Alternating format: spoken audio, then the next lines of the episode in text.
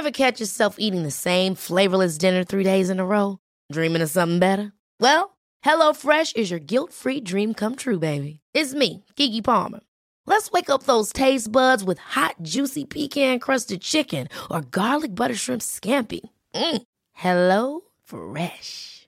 Stop dreaming of all the delicious possibilities and dig in at HelloFresh.com. Let's get this dinner party started.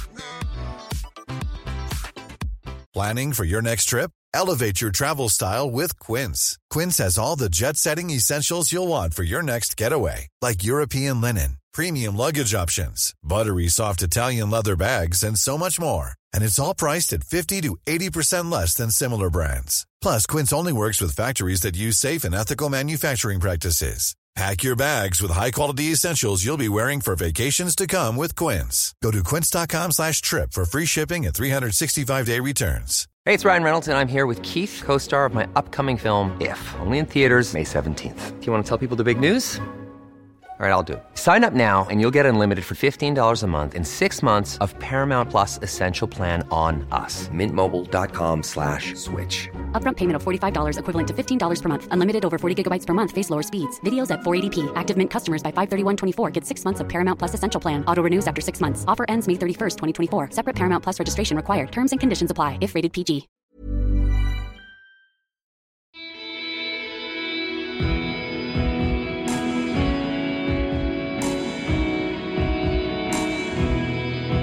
Velkommen tilbake til en ny episode av Kaptare podkast. Det har gått litt tid, eh, men endelig er vi her igjen med en eh, prat med en løper som heter Hege Washi. Hun er eh, i tillegg til å være løper også redaksjonssjef i Dagbladet. Jeg ble kjent med henne i løpet av denne samtalen. Vi hadde bare hatt litt kommunikasjon på forhånd.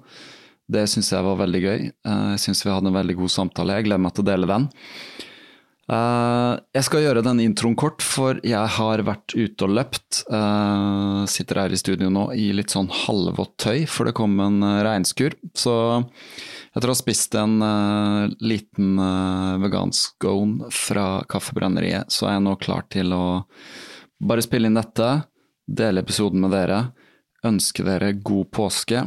Det er mye som kunne vært sagt, men jeg tror vi lar det ligge. Jeg bare håper at alle holder ut nå. Det er ikke så veldig lenge til vi kanskje kan vende tilbake til normalen og løpe i flokk igjen, og jeg gleder meg stort. Men inntil den tid så må vi bare være kloke og smarte og ta vare på oss selv og andre, og gjøre som vi må gjøre. Bare ta alle forhåndsregler som skal til, selv om det er kjedelig. Jeg syns også det er kjedelig. Noen ganger holder jeg på å bli sprø av hele greiene. Samtidig så bare må man forholde seg til det. På mange måter så er det litt surrealistisk eh, hvordan det er å leve sånn, men eh, jeg tror at når vi kommer en gang på andre siden, så kommer vi til å bare huske det som en veldig spesiell tid og en erfaring som vi forhåpentligvis har tatt eh, nyttig lærdom av. Ok, som sagt, det er mye vi kunne pratet om, eller jeg kunne sittet her og pratet om, men jeg skal ikke gjøre det akkurat nå. Jeg skal sende eh, mikrofonen videre til meg og Hege Washi, som var med på telefonen. Hei, Hege Warsi. Warsi, hvordan uh, uttaler jeg det? Washi. Washi. Washi. Ja. Washi, som i farsi. Washi. Ja. Ja. Uh, er det et navn Jeg bare gjetter at det er et navn som stammer fra Nord-Norge? Ja, Ja. Det, det stammer jo fra Tana Ja. eh, inne i Finnmark. ja. Jeg er jo eh, halvt eh, samisk. Ok. Mm. Så Så hva da kan jeg stå i manntallet og alt, hvis jeg ønsker det. Ja. Så hva, vokste, vokste du opp uh, i Tana, eller? Nei, I Finnmark? Jeg, eh, nei, nei. Jeg er født i Oslo. Mhm. Um, og så er det sånn som med veldig mange barn, at de eh, flytter når de er fem-seks fordi foreldrene skiller seg. Ja. Så da endte jeg opp på, på Sunnmøre, på Stranda oh, ja, okay. i eh, Møre og Romsdal. Så jeg er jo jeg er en bygdejente med, med Oslo-dialekt. Så hvor lenge, hvor lenge Eller når flytta du til Sunnmøre, sa du? Da jeg var seks år. Da du var seks, ja. Men du beholdt Mm. eh, dialekten allikevel? Ja, jeg Ja. husker at jeg sa at eh, jeg skal ikke snakke sånn. Nei. Og det holdt jeg på. Ja. Det angrer jeg kanskje litt på nå, fordi jeg syns jo at uh, sunnmørsdialekten er den mest sjarmerende på jord. ja den Men er eh, det, blir litt, eh, det blir litt rart om jeg skal legge om nå når jeg er eh, 32. Ja, det burde jeg. Ja. jeg. Jeg hadde en venn en gang som hadde delvis oppvekst i Nord-Norge og delvis i Oslo. Og hun snakka Oslo-dialekt når jeg traff henne. Og så en dag så bare fant hun ut at nei, nå snakker jeg tilbake på nordlandsdialekten. Så det var kjemperart. da. Det Ja. var litt sånn, Da var det jo en litt annen person, på et vis. Ja, jeg, jeg tror kanskje det blir litt for rart nå. Mm. Eh, jeg husker da jeg kom til Stranda, så lurte jo alle på hvorfor jeg snakka eh, sånn som Barbien eh, gjorde. Ja. Altså Barbie-språket. Mm.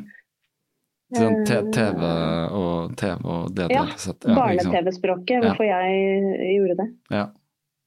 Men, Mm. eh, men hvordan, hvordan var det da, å komme fra liksom, Oslo og opp dit hvor det er Ja, det er jo to ganske forskjellige verdener. En storby til en ganske, ja, det er jo ganske spesielt, men, eh, men mamma er jo fra Stranda, så jeg hadde jo mye familie der. mm, Så på den måten så, så ble det jo en, en lettere overgang, da. Men eh, jeg husker jo at jeg tror kanskje det var andre skoledager eller noe sånt. Da har man jo egentlig bare lyst til å gli usynlig inn i klasserommet. Da Mm. fikk jeg beskjed om at jeg måtte stille i samekofte.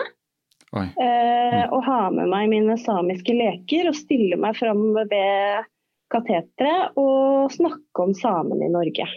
Og da var jeg seks år. Oi. Så så det, var, eh, det, var, det var et brutalt møte, men eh, det gikk heldigvis bra. Oi, ja, det er litt brutalt. Det er ikke alle seksåringer som er klar for å snakke om, eller som kan så mye om sånne ting. Nei, det var ganske spesielt. Jeg vet ikke helt om det var liksom pedagogisk toppkarakter til den uh, læreren. Nei, jeg, jeg tror det. det hadde ikke skjedd i dag, i hvert fall. Jeg tror ikke det, i hvert fall ikke her i Oslo-skolen og på en måte Nei, det tror jeg ikke hadde skjedd. Nei. Men, jeg tror eh, ikke noen hadde spurt meg om det i dag heller. Om, altså, bare som 32-åring. Nei, ikke sant. Uh, ja. Men altså Stranda og eh, hvordan, Begynte du å Trente du som ung, eller? Eller når du gikk på barneskolen? Nei, altså på, på Stranda så er det ganske begrensa hva man kan gjøre, da. Mm. Du er enten fotballjente, mm. håndballjente, eller så driver du med alpint. Mm. Uh, og jeg ble vel en sånn typisk uh, fast uh, Fast på innbytterbenken på fotballbanen. -hmm. Ja. Jeg hadde egentlig ingen interesse for fotball, men alle andre drev med et eller annet. Så Mm. da starta jeg med fotball. Uh, Syns det egentlig var mest behagelig å sitte der på benken og se på. Du var med på treningene, men i kampene satt du på benken? Ja. Ja. Så det ble, det ble ikke en veldig lang karriere. Hvor lenge varte det, da? Nei, jeg begynte vel eh, Jeg begynte vel da jeg var sånn 9-10, og så holdt jeg på at jeg var ja, 13-14 kanskje. Mm. Ja, og det var egentlig Det var all idrett jeg drev med. ja. Ja. Men uh, Gym, liksom. Ja, gym. gym. Man hadde jo gym Ja. på skolen. Mm. Hvordan var gymmen, da? Jeg husker jo tilbake på det med litt sånn skrekk. I hvert fall ballspill for meg var skrekk, da. Ja, det var eh, På, på Sunnmøre så er det mye Du skal ut uansett. Mm. Du skal ut uansett vær. Så det var liksom skidager i storm og pissregn og Det var ikke noe bønn, egentlig. Nei. Det var ut uansett. Ja. Det er jo, det er jo Vestlandet, eller Nordvestlandet som det er. Ja. Eh, Det er jo, Hvis du skulle venta på fint vær, så hadde du vel aldri fått vært ute, egentlig. Nei, Ja. Nei det, var, det var fjellturer Ja. uansett. Men det er jo på en måte det- god trening, da. Altså å gå i fjellet.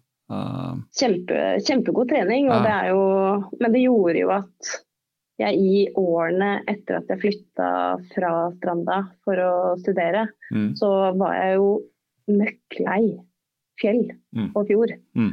Eh, og det er jo ikke før nå, i senere tid, at jeg, etter at jeg flytta til Oslo og eh, asfaltjungelen, at jeg nå har fått en voldsom interesse for eh, naturen hjemme. Mm. Nå ser jeg det på en helt annen måte og kan nesten ikke vente med å dra og løpe opp i fjellene og ja, gå på ski. Mm. Alt det jeg mislikte sterkt som, eh, som 15-åring. For nå er det på en måte litt lite av det, ikke sant? Ja. Da ble det sikkert litt mye, og nå er det litt lite. ja, og nå kan jeg velge å gå i fint vær. Ja. Ja, nå er det liksom ikke ut i den snøstormen eller pissregnet. Hvor, Hvor lenge, hvor lenge ble du boende på stranda? Jeg bodde der til jeg begynte i eh, Volda som Ja, hvor gammel var jeg da? 19? Mm. Ja. På medie i Volda, for det er medielinje, ikke Ja. sant? Ja. Journalistikk i Volda. Mm. Så du er Mm. utdanna journalist? Ja, Ja. Og er jobber i dag i Dagbladet? Ja, jeg hadde faktisk eh, eh, praksisplass i Dagbladet.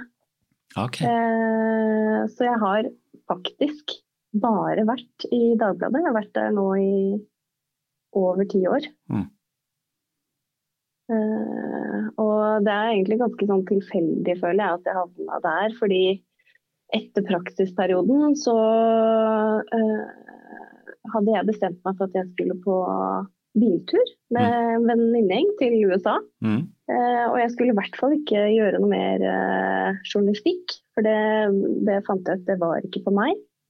Eh, så hadde jeg ordna meg sommerjobb på, på Grandiosa-fabrikken hjemme på Stranda for å tjene så mye penger som mulig. og så fikk jeg brått tilbud om sommerjobb i, i Dagbladet. Um, og da takka jeg først nei, husker jeg. Eh, og sa det at sorry, men jeg, jeg skal eh, lage Grandis i sommer. Og det kan jeg ikke avlyse nå. og da husker jeg at eh, min daværende sjef Tinna, hun sa er du helt idiot? Kan du ikke tenke på det til i morgen, i hvert fall. Det var, det var Grandis-sjefen? Sjefen på Grandiosa-fabrikken? Nei, i Dagbladet. Å, i Dagbladet! ja, ja, ja. Ja. Hun, hun sa bare sånn Nei, kjære lille deg, dette må du tenke på til i morgen, i hvert fall. Mm. Eh, og så tenkte jeg på det eh, over natta og kom fram til at jeg kunne ikke si ja til hele sommeren hos Dagbladet. Mm. Men jeg kunne si ja til halve, Mhm. og så kunne jeg jobbe halve på Grandis-fabrikken. Så det gjorde jeg da. Så du gikk med på det, altså? De gikk med på det, Ja. takk og lov. Ja. Ja. Takk Så kom jeg tilbake fra tur og fikk eh, fast jobb. ja. Og da Hvis, ble det sånn. hvis du hadde stått på ditt nei, så hadde ikke livet vært det samme, antagelig. Nei, kanskje jeg fortsatt hadde stått på og strødd paprika Lager de, ja, de, Grandiosa-fabrikken. ja, ikke sant? De lager den Grandiosaen der ennå? Ja ja, Ja. full produksjon. Jøss. Eh, Ja. Eh, litt eh, sidespor om Grandiosa, men jeg, jeg var antagelig en av de første Jeg føler jeg var en av de første i Norge som smakte Grandiosa, for faren min jobba på Stabburet i Fredrikstad. Det er de som produserte Grandiosa, og jeg husker da han kom hjem med den pizzaen, eh, og så hadde han så hadde vi sånn, fikk sånn dedikert pizzaovn, en liten Oi. sånn aluminiumsovn, bare sånn liten, som du kobla i støpselet, og så skrudde du bare på en timer. Og så tok det liksom åtte minutter, og det var den de brukte, fordi den gangen så demonstrerte de dette i butikkene. Det sto en sånn, Han var sånn salgssjef, så det sto sånn demonstrasjonsdamer da, i butikkene, og de brukte de her eh, ovnene, så han fikk en sånn. Så det var sånn, jeg husker det, det var på 80-tallet altså. Eh, Litt sånn før det ble vanlig liksom, at det var nesten ingen som hadde smakt pizza og sånn, eh, i Norge da. Det var jo Nei. veldig, veldig eksklusivt, på en måte, pizza. Så Og nå er det en av, eh, av nasjonalrettene. det er det, ikke sant. Og Grandiosa er jo så Ja. sterkt, men nå finnes det jo sikkert Jeg aner ikke hvor mange sånne frossenpizzaer det finnes nå, men det må være mange. altså. Nei, altfor mange. Ja. Men du har vel spist et par sånne da, opp igjennom du også? Det var uh, sånn jeg kom meg gjennom studiene, faktisk, i Volda. Ja. Mm. Ja. Det, det kostholdet der. Jeg husker at jeg knakk, knakk Grandiosaen i to, for jeg hadde bare en sånn hybelovn som Mm. tok bare halve. Ja, ja. Og så spiste jeg ene halve en dag, og så andre halve dagen etterpå. Ja. Og sånn gikk ukene. Ja. Det er jo helt grusomt å tenke på. Men ja, apropos det, studietid og Grandiosa. Det var, jeg også bodde i noen kollektiv og sånn i studietiden, og det var uh, mye Grandiosa. Uh, papp, Pappresirkuleringen besto av liksom sånne stabler med sånn Grandiosa. Ja, Men jeg syns faktisk det fortsatt er godt. ja. ja. Så Jeg har ikke jeg smakt den på spiser ikke så ofte, heldigvis. Nei, Nei, ikke jeg heller. Nei da, de har nok eh, modifisert litt med tiden, og det er blitt ganske bra. Mange av de frossenpizzaene er jo egentlig sånn ganske gode nå. Eh, som en god ferskpizza som Ja. bare er frossa, liksom. Så ja. Ja, det er faktisk det. ja. Men det var det. Og så havna du i Dagbladet. Hva har du eh, Hva slags journalist har du vært da, opp igjennom? Hva har du skrevet om? jeg har vært, eh, jeg har vært mye rart. Eh, begynte jo i eh, kulturavdelingen. Mm. Eh, og så gikk det vel et år eller noe sånt, og så begynte jeg på Kjendis, heter det. Som er på en måte underholdningsbiten. Mm. Eh, før jeg ble moteansvarlig, faktisk, Mhm. i Dagbladet. Som egentlig bare ville si at jeg fikk dra to ganger i året til New York Oi. og dekke moteuka der. Mm.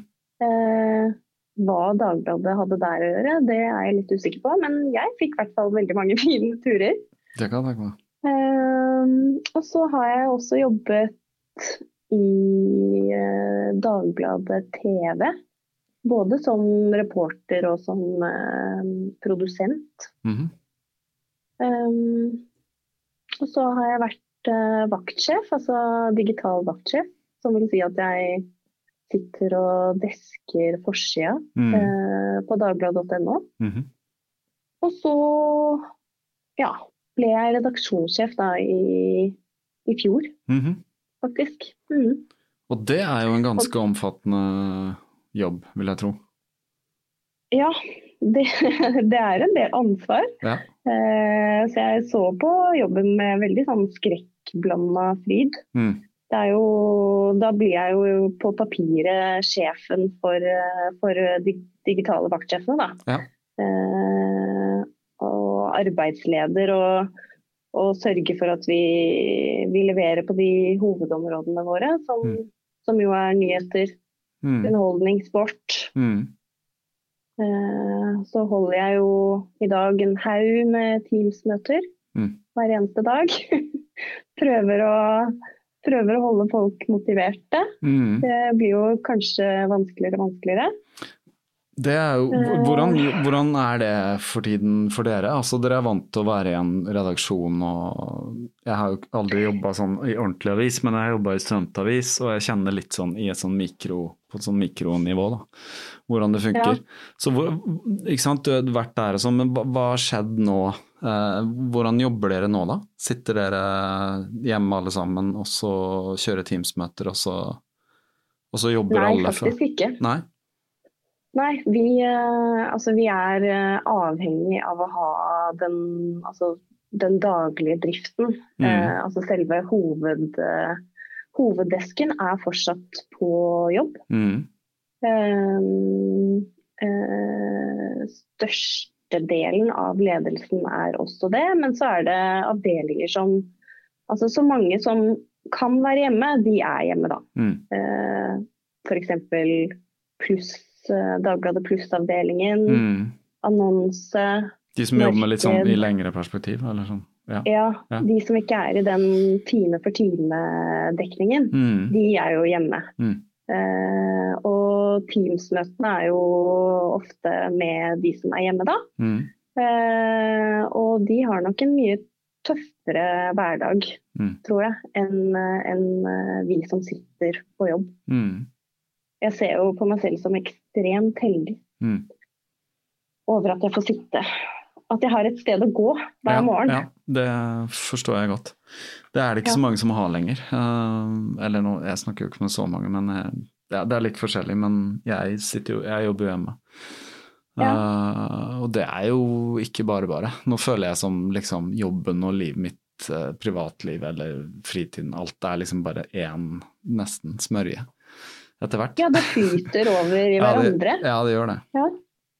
Jeg har jo Eh, hatt, uh, har jo hatt to dager med, med hjemmekontor nå, i påvente av uh, et testsvar, Ja. koronatestsvar. Mm. Og jeg holder allerede på å gå på veggen. Så um, hvordan folk har klart dette i over et år nå, det All respekt Ja. til de, altså. Ja.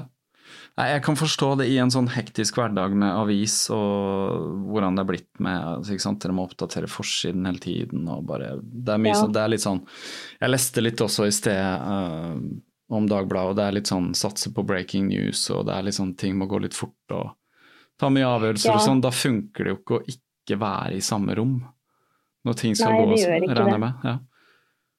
Det gjør ikke det, og så krever det jo ekstremt eh, sterke datamaskiner og, og verktøy. Altså, Ja, som ja. det hadde vært helt umulig å skulle sende hjem til folk. ja, ikke sant.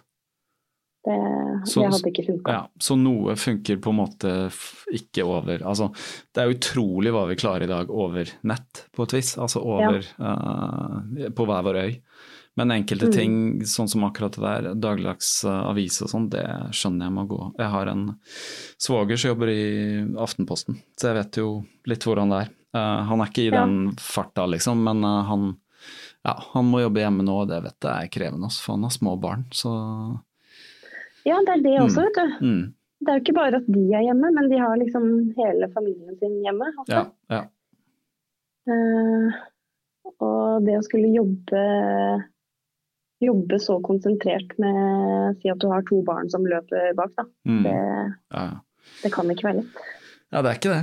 Jeg har, eh, vi har hjemme, hjemmeskole nå, fordi ja, Ja. så, Men det, det går på et vis. eh, Det er veldig annerledes nå enn det var akkurat når vi stengte ned for et år siden. Det er veldig annen vib, liksom. Fordi vi har blitt så vant til ting, eh, merkelig nok. ja. Litt mer sånn rutine på det det. Er imponerende Mm. hva, hva mennesker kan bli vant til. Men, dere, men dere har klart å løse det sånn i praksis med For jeg bare tenker på hvordan det er akkurat nå eh, ja, med smitte og sånn. ikke sant? At alle, alle dere som jobber sammen, må, har jo på en måte et ansvar for Ja. hvem, hvem dere er med utenom, da, vil jeg tro. Ja, altså Vi følger jo Raimonds eh, regler. Mm. Eh, både på og utenfor jobb. Eh, og nå er jo beskjeden at vi ikke skal eh, ha særlig mange nærkontakter og ikke dra på besøk til hverandre. Og, og på jobb så har vi også spredd oss veldig mye utover i lokalene. Da, sånn Mm. at vi har minimum to meter Mm. mellom, mellom hver pult. Mm. Eh, og vi har ikke noe, ikke noe kantinedrift. Eh, skal ikke spise lunsj sammen. Nei, Ja. ikke sant. Det er, det er ganske strengt. Ja. Eh, men bank i bordet så har vi, så har vi klart å, å unngå de store krisene. Mm. ja, men det er så nå fantastisk. må bare, bare de vaksinene komme, så, Ja, så tror jeg ting kan vende tilbake til normalen. ser, ser du på en måte litt sånn enden på det uh, nå? Nei, Jeg fikk jo sånn en ganske sånn kraftig trøkk nå da, med AstraZeneca-trøbbelet. Mm. Men vi får bare håpe at de andre eh, vaksineleverandørene kommer på banen. Ja, Det går litt saktere Um, enn vi skulle ønske, selvfølgelig. Det gjør det. Ja, eh, jeg hadde jo håpet at vi skulle være sånn noenlunde tilbake til normalen nå like før sommeren, men det ser jo mørkt ut. Mm. Ja. Eh, jeg bare holder ut, jeg, holdt jeg på å si. Det gjør vel du òg. Ja. Det er det vi Ja. gjør. Altså, det er sånn man, sant, Du sier sånn Skjønner ikke hvordan folk klarer det som er hjemme og sånn. uh, men det er jo bare det vi, vi må, bare, liksom. Uh, Men jeg føler liksom at det har blitt en sånn form for apati. Ja, det er blitt litt apati. At folk bare går rundt og fø- føler ikke så mye. Bare eksisterer. Ja, det er blitt litt mer sånn. Ja. Um, jeg, jeg tenker, jeg, Noen ganger så reflekterer jeg litt over det at egentlig vi har hatt det helt fantastisk, ikke sant. Um, Ja. Som vi har hatt det. Uh, fordi vi bor i Norge og utrolig mye frihet. Så noen ganger så slår det meg å tenke sånn Ja, nå har vi en pandemi, så hele verden er på en måte litt samme, men så begynner jeg å tenke litt på land som mennesker lever i, da, hvor det er litt sånn unntakstilstand hele tiden. Enten pga. politisk at det er et diktatur, eller fordi det er konflikter og kriger, eller fordi det er ekstrem fattigdom og mye kriminalitet og sånn. Så eh, jeg har tenkt litt mer på at faktisk det er en del mennesker som lever sånn litt sånn alltid, da, eh, i visse deler av verden. Og det får meg til å bli litt sånn oi, liksom. Tenk om vi skulle hatt det sånn hele tiden. For vi ser det her som et unntak som liksom halvannet år, da, som vi kanskje ser Mm. for oss nå at det vil vare. Eh, og Det selvfølgelig setter jo, ja, setter jo ting i perspektiv. Altså, Virkelig. Ja. her, her gikk det ikke engang et døgn med stengte pol før, ja. før eh, verden eh, raste, liksom. ja, det var virkelig Vi, Så langt kunne vi ikke gå. Nei, det, Nei. ja, det var sånn De prøvde det var det verste vi kunne oppleve. Ja, Liksom. det var det. det var liksom, men det var litt sånn absurd at liksom, det var bare stengt i Oslo, og så var det åpent i nabokommunen. og så var det sånn, Bare alle på Fornebupolet, liksom. Det var bare 200 Ja. meter kø der plutselig. Så det, ja. Uh, Det er helt uh, Jeg får helt vondt i hjertet mitt når jeg tenker at uh, det viktigste er å holde Polen åpne, Ja. men stakkars barn som ikke har sett eh, vennene sine på, ja, ikke sant. På, på åtte-ni måneder, de eh, må være inne. Ja. Og ikke kan drive med idretten og alt de tingene. Nei, det er sant, det. Ja. Ja. Men, nå, eh, men, men det er eh, Ja, vi håper det. Jeg leste en sånn sak Det var vel en uttalelse fra FHI eller noe sånt at vi kan ikke liksom åpne opp før 45-åringen er vaksinert. Vil si at før vi kommer så langt ned, da. Til Ja. at, sant, at alle, alle som er eldre har fått, og da tenkte jeg ja, det er jo meg, jeg er jo 45, ikke sant. Så når jeg blir vaksinert, da åpner vi opp. Har, du, har du fått noen melding, eller? Nei, jeg har ikke fått noen melding. jeg vet Nei. Altså nå, nå, Min svigerfar som er eh, Skal vi se, han er eh, Bare tenk, han er født i 44, så han er uh, 76. Han får nå på fredag, tror jeg. Han gjør det, ja. Ja, ikke sant? Så der er vi. Ja. Det er realiteten. Vi er ikke kommet lenger. Um, så det, Nei, det tar tid. en, Ja. eh, Mm. Jeg har jo en bestefar på Sunnmøre som, som uh, har bare fått én dose. ja, ok. Og han har én igjen. Ja. Han er 82. Ja. Men eh, det, det positive er at det, er, eh, det har, det har funka, og de eldre er eh, mindre syke nå. Altså det, det er mindre innlegges på sykehus og disse tingene her. Så, ja. Så det går Altså, det går jo riktig vei. Det gjør går det. riktig vei. Ja, Og så er det et mirakel faktisk at vi fikk en vaksine, og at de funker. Altså det var jo Ja. Før liksom de kom, så snakka vi om altså, Eller var i hvert fall sånn Det kan ta to år, det kan ta ti år, liksom. Vi vet ikke. Ja. Men så har jeg lest litt, og det var en artikkel i Morgenbladet jeg leste her, øh, den som kom sist eller før, og det har jo vært Altså, det har bare vært iverksatt så massive, liksom mye mennesker og mye ressurser på det her nå, da. At du ser at når Ja. vi virkelig fokuserer på noe, så kan det skje veldig mye fortere. Ikke sant? Ja. Men det har ikke vært prioritert tidligere, ikke sant, på, på det nivået. Så ja. Så det er godt å se. Men jeg håper bare, jeg håper bare at, vi, at vi klarer å huske dette. Mm. At vi klarer å, å ta med oss altså takknemligheten da, Mm. på, på hvor raskt det faktisk har gått. Mm. Eh, og at vi liksom tar med oss denne kjipe tida og kjenner på hva som, ja, hva som er viktig for oss. da. Mm. Og ikke tar ting som vi kanskje har gjort i, i veldig mange år. I hvert fall her i Norge, når Ja. vi har det så bra. Ja, det er sant. Og det er det jo en del som skriver om og sånn. Hvordan, hvordan er det Altså, nå begynte du som redaksjonssjef, regner jeg med, øh, rett før øh, nedstenging i fjor, eller når var det? Ja, det var vel eh, like før. Mm. Eh, det ble vel en fast ansatt i mai, tror jeg, men det var vel fra januar at jeg gikk over i den rollen. Så da, men du har jo jobba på desken en stund. Sånn. Hvordan opplever du at liksom, har, har nyhetsverden forandra seg det siste året, eller? Uh, sånn sett fra der Ja. du sitter? Ja. Ja, veldig. Um, det ble på en måte som de store riksmediene ble public service-leverandører på en helt annen måte ja. uh, enn tidligere. Mm. Uh, det var et enormt stort behov for informasjon og eh, ikke minst veiledning. Ja. Eh, folk var redde, uh, bekymra. Mm. Eh, og det var informasjon som kom fra alle kanter, og mye av det var jo, var jo ikke kvalitetssikra. Altså, se bare på, på blekemiddelgate i USA, hvor eh, Mm. Trump og hans eh, tilhengere kom med den påstanden om at det skulle hjelpe mot eh, koronaviruset. Mm. Og enden på visa er at folk dør fordi de drikker blekemiddel. Mm. altså, det er, så, det er så mye sykt da, Ja. som dukker opp. Ja. Og da er det jo utrolig viktig at vi som, som, eh, som de tradisjonelle mediene altså, fungerer som en rettesnor da, Mm. der vi kan det.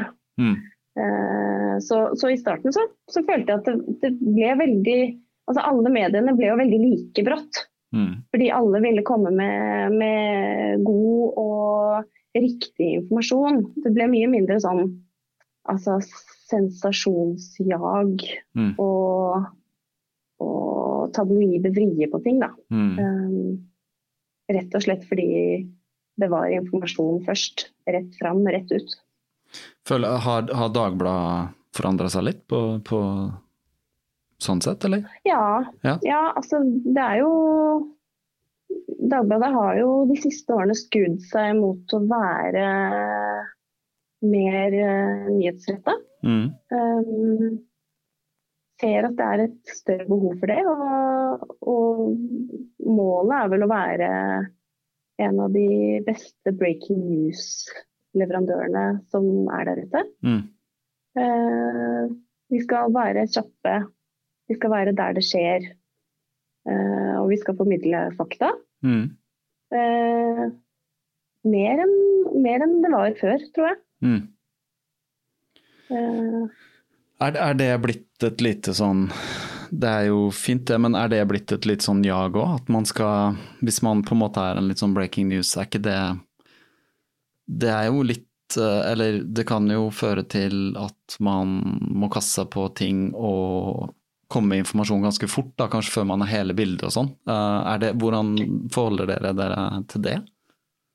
Eh, Det er jo helt sant at eh, målet vårt er å være først. Eh, Men når det er sagt, så er kanskje Dagbladet blant de som er eh, Altså, vi kan sitte på en breaking-nyhet lenger enn flere av våre konkurrenter fordi vi føler at vi ikke har eh, verifisert Mm. nok Mm. til å kjøre ut nyheten.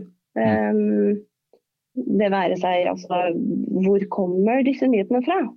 Eh, hvor kommer dette bildet fra, som, Mm. som f.eks. skal fortelle at her har det skjedd eh, et terrorangrep, f.eks. Altså, vi sitter ofte ganske lenge på ting Mm. før vi publiserer det. Og, og da er ikke kampen om å være først den viktigste. Mm. Eh, viktig for oss er at det vi publiserer er eh, riktig. Mm. Og det er jo det er også grunnen til at eh, Dagbladet er jo, har jo i mange år nå vært best i klassen eh, i eh, PFU, altså Pressens faglige utvalg. Ja. De har jo færrest eh, fellelser der okay, ja. fortsatt. Ja. Så presseetikk er ekstremt viktig Ja. for oss. Ja.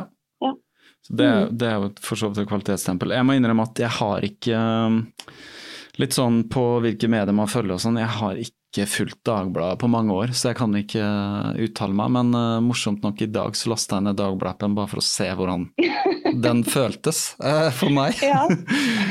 så uh, jeg jo Jeg ser jo på meg selv som uh, altså uh, jeg er jo ikke konservativ sånn sett, men jeg er veldig konservativ på nyheter, merker jeg.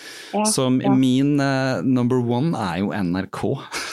så det er liksom. Og så har Vi har jo et ja, eh, ganske annet uttrykk Det har dere. enn NRK. Ja. Ja. Eh, og NRK er jo på en måte litt traust, men uh, jeg liker jo å lese, liksom, og det er, jeg vet, det er ofte veldig sånn saklig. Men jeg ser NRK har også forandra seg, også, det har de. Det jobber unge mennesker i NRK og sånn også, men så abonnerer jeg på Aftenposten. Um, og bruker Ja. de òg, de er jo også veldig gode, vil jeg si. Uh, faktisk. ja, de har jo utvikla seg veldig mye de Mm. siste årene.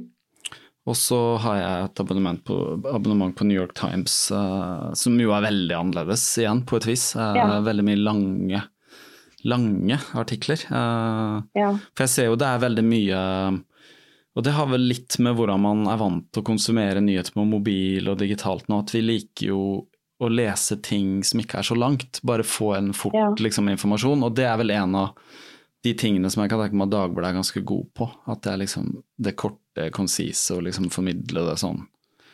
Ja, uh, ja. Vi, har jo, vi har jo økt uh, nyhetsstudiobruken vår betraktelig. Mm, Uh, og vi pusher også mer til eh, folks telefoner. ja. Eh, og det er jo Det gjelder nok alle medier. Altså Før så hadde man kanskje en frykt om at man skulle pushe for mange Mm. saker. Push-varsler Eh, snakker om at det pop Ja, popper opp hvis ja. du setter på. Ja, faktisk. Det, Ja, når jeg lasta ned appen, så fikk jeg det spørsmålet vil du tillate varsler, så skrev jeg så tok, tok jeg av, da. Eh, men eh, vi, vi sender en del. Ja, det ikke sant. sånn. Ja. Jeg har Men, men, det er, men det er rett og slett fordi eh, mens man før eh, tenkte at man bare skulle sende varsler om de største nyhetene, altså si, mm, si eh, et stort norsk navn eh, dør, mm, eh, da er det tydelig varsel å sende ut. Mm. Men i dag så bruker folk eh, skjermen, altså den låste skjermen, de bruker den nesten som en nyhetsfeed. ja, ikke sant. De får opp alle varslene fra de forskjellige mediene de følger, Ja. og holder seg oppdatert på den måten. Mm, Og da er det utrolig viktig da, å være Mm. blant de første mm. som er ute med nyhetene. ja, ikke sant. For hvis du følger Dagbladet og noen andre, og så Ja. eh, Hvor får man det først, liksom? Ja. Ja, du åpner jo den du får først, om det er noe du har lyst til å åpne. Hvem er det dere er sånn i direkte konkurranse med, da? Jeg tenker jo VG, men eh, jeg vet ikke hvor Før Ja, det var det VG. det. Ja, ikke sant. Ja. Det er fortsatt VG. Jeg er jo holdt på å Eh. si så gammel at eh, jeg forholdt meg til eh, papiravisen. Jeg husker mine foreldre var også skilt, og faren min kjøpte alltid VG, og moren min kjøpte Dagbladet. så jeg var sånn, når jeg var hos hver av de, så jeg fikk liksom veldig innsikt i hvor forskjellige de avisene var, da. Eh, jeg vet ikke helt hvordan det er lenger nå, men jeg ser jo fortsatt at VG er liksom den største tabloiden. Og de som er mest tabloide og går Altså Hvis jeg hadde lasta ned VG-appen, så har jeg sikkert fått enda mer sjokk, liksom. På Altså, hvor Ja. Det er jo vår, eh, vår nemesis. ja. Eh, men, men så er det jo også selvfølgelig Vi, vi konkurrerer jo også mot, mot NRK. ja, og Aftenposten, Og. TV 2. Mm, mm, Aftenposten. ja. Uh, ja. Men, Det er eh, mange med beinet. ja, men sånn rent tallmessig så så jeg det var en nyhet. eh, jeg vet ikke hvor ny den var, men jeg så at dere hadde økt, på en måte dobla brukerne, eller jeg vet ikke hvilken tidsepoke det var snakk om, men det virka ganske nytt, så dere gjør tydelig Ja. noe riktig, da. Ja, altså vi har jo, vi har jo finpussa eh, uttrykket vårt. Mm, Eh, og endra strategi, som sagt, til, eh, til å fokusere mye mer på breaking news. mm, Og vi har jo også et veldig annet frontuttrykk enn de andre. mm, Vi er mye mer på farger, eh, effekter. Vi har jo bl.a. et sånn akkurat nå-banner som ruller over forsida, som, som Nytt på Nytt har gjort narr av en rekke ganger. Og, ok. så, men det er, all, all PR er god PR Ja. der, syns jeg.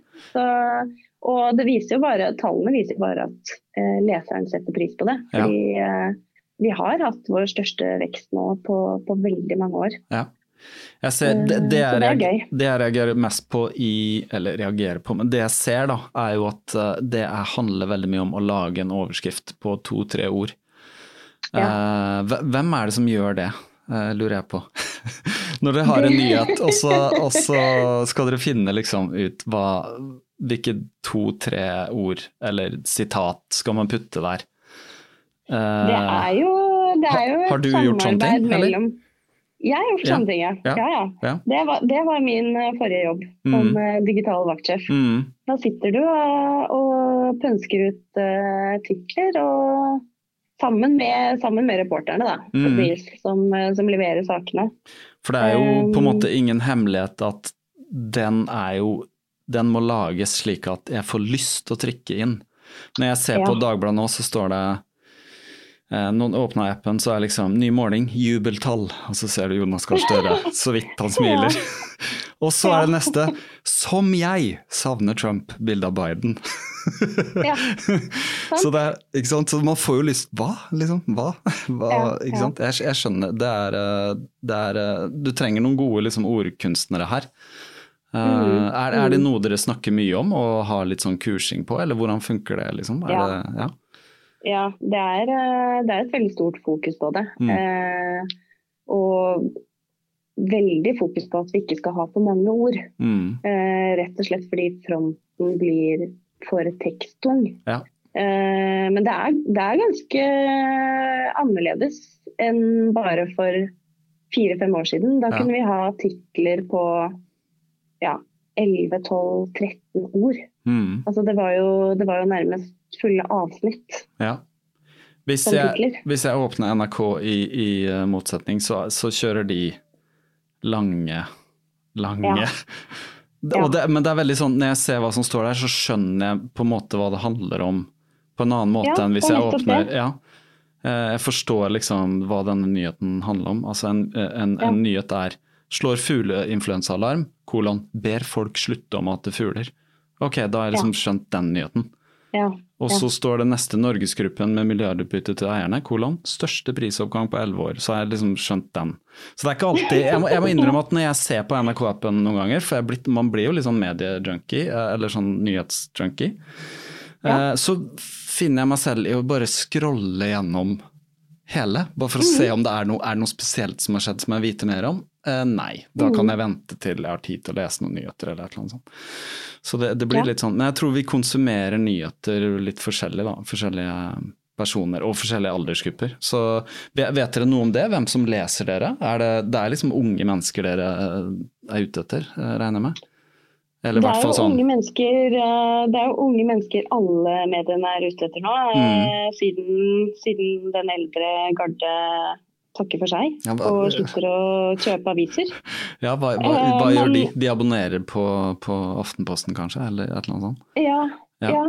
Eller, eller har liksom kjøpt avisa på, på kiosken på Ja, altså, hjørnet. ja, ikke sant, sånn ja. ja. Eh, Men nå er de, nå er de på gamlehjem og kommer seg ikke dit, kanskje. Mm. Men, altså, de, men dere trykker jo fortsatt uh, hver dag, så kommer jo Dagbladet ut, ikke sant? Ja, det er seks dager i uka. Det er seks nå. Mm, så vi har jo en, vi har en helgeavis som Ja, går både lørdag og søndag. Ja, ja. Mm. Uh, Men Og- eh, ja, papiret lever fortsatt. papiret lever, så, men den, blir den litt Altså Den er jo annerledes, for det kan ikke være så altså Det har vel en annen vinkel på den. Jeg ser jo forsiden er jo mer sånn basert på at jeg skal selge den avisen, eller vi skal selge den avisa, så det er mye sånn Ja. helsestoff og sånne ting. Ja. Det er jo Dagbladet ganske kjent for. Så det, er, det blir Det vel litt to forskjellige verdener. Ja, ikke sant. Ja, Mm. det er det. Mm. Helt annerledes. Og de kan jo ikke være dagsaktuelle Nei. på langt nær eh, samme måte. Nei. Men uh, du snakka om Dagbladet pluss, og VG har jo som VG pluss og sånn. Uh, og der, Ja. der er det vel rom for de litt mer undersøkende sakene, altså litt mer undersøkende journalistikk, da. Hvor man bruker litt lengre tid og uh, Ja, går inn i en sak eller- og researcher og så videre, eller? Det er faktisk ganske mye av, eh, av Dagbladets gravende journalistikk som er eh, åpent Mm, på nett. mm, Eh, rett og slett fordi eh, jeg tror man er avhengig av å tilby leseren det stoffet også. Mm. Ikke bare de eh, hastemeldingene Mm. eh, de korte studiepostene. Og alt kan ikke folk betale for, Nei. For da kommer det ikke tilbake. Mm. Eh, Så det som, det som på en måte er vanligst å ha bak betalingsmur hos oss, er jo, er jo nettopp dette helsestoffet, da. Mm. Eh, eller større intervjuer med, med kjente nordmenn. Ja. Eh, Men akkurat det med helsestoff skjønner jeg, det er jo mange opptatt av. Og kanskje særlig de Ja. som fortsatt kjøper avisen, eller er litt, sant, litt eldre, de tenker jo mer på helse og ja, Ja. har du interesse for det, så tror Mm. jeg kjøpeviljen er, er eh, størst der, altså. Mm. Mm. Hvordan ser du for deg fremtiden og papiravis? Hvor lenge vil de komme ut? Har du tenkt noe på det, eller? Nei, Nei. altså Alle papiraviser vil vel uh, bukke under til slutt. Mm. Så spørsmålet er vel bare hvor lenge man klarer å holde det i gang. Fordi det er jo klart at det er jo mye penger i eh, annonse i annonsemarkedet for papir. Mm. Det er jo der eh, størsteparten av inntektene ligger fortsatt. ja. En helsides Um, bilannonse og sånne ting er jo Ja. ja. Så det er jo medienes, altså de digitale medienes største utfordring er jo å få overført disse annonsekronene til, Mm. til digital eh, annonse Mm. og markedsføring. Jeg merker jo at det er en ting som øh, jeg ikke er så glad. Altså, hvis jeg går på NRK, ingen annonser. Og så går jeg på, dag, nei, på Aftenposten, og selv om jeg betaler for abonnementet, så må jeg jo se de annonsene. Det er bare at jeg får se Ja. de abonnementssakene. Men det er liksom Jeg syns det er Det er litt Mm. slitsomt, men så blir man jo på vis vant til det også. Uh, sånn er det jo blitt. Ja, ja. Man, uh, man må jo tjene penger på, på noe for å overleve. Så, Men, men du, nå har vi, vi har snakka lenge om avis, det var ikke, var ikke meningen det. Men når jeg Ja. først hadde deg her, og du har liksom den innsikten du har, så, så var det litt gøy å spørre, bare. Og vi kunne jo Mm. snakka kjempelenge om det. Og det kan vi gjøre videre også. Men en av grunnene Ja. til at jeg snakker med deg, er at du løper. Du er en løper. Uh, og Ja. du, du løper mye. Eh, faktisk. Eh, så jeg lurer jo litt på det, da. Eh, hvor, lenge har du, hvor lenge har du løpt? Når begynte du å løpe? Altså, vi snakka litt om trening og sånn innledningsvis, men når, når fant du ut Ja. at du skulle begynne å løpe? det er jo egentlig veldig rart at jeg skulle bli en løper. Mm. Jeg husker jo, husker jo med skrekk og gru på de eh, 1000-meterne og Mm. 60 meter og alt vi skulle løpe i, i gymmen. Mm. Og synes at det var veldig tungt Mm. å løpe. Mm.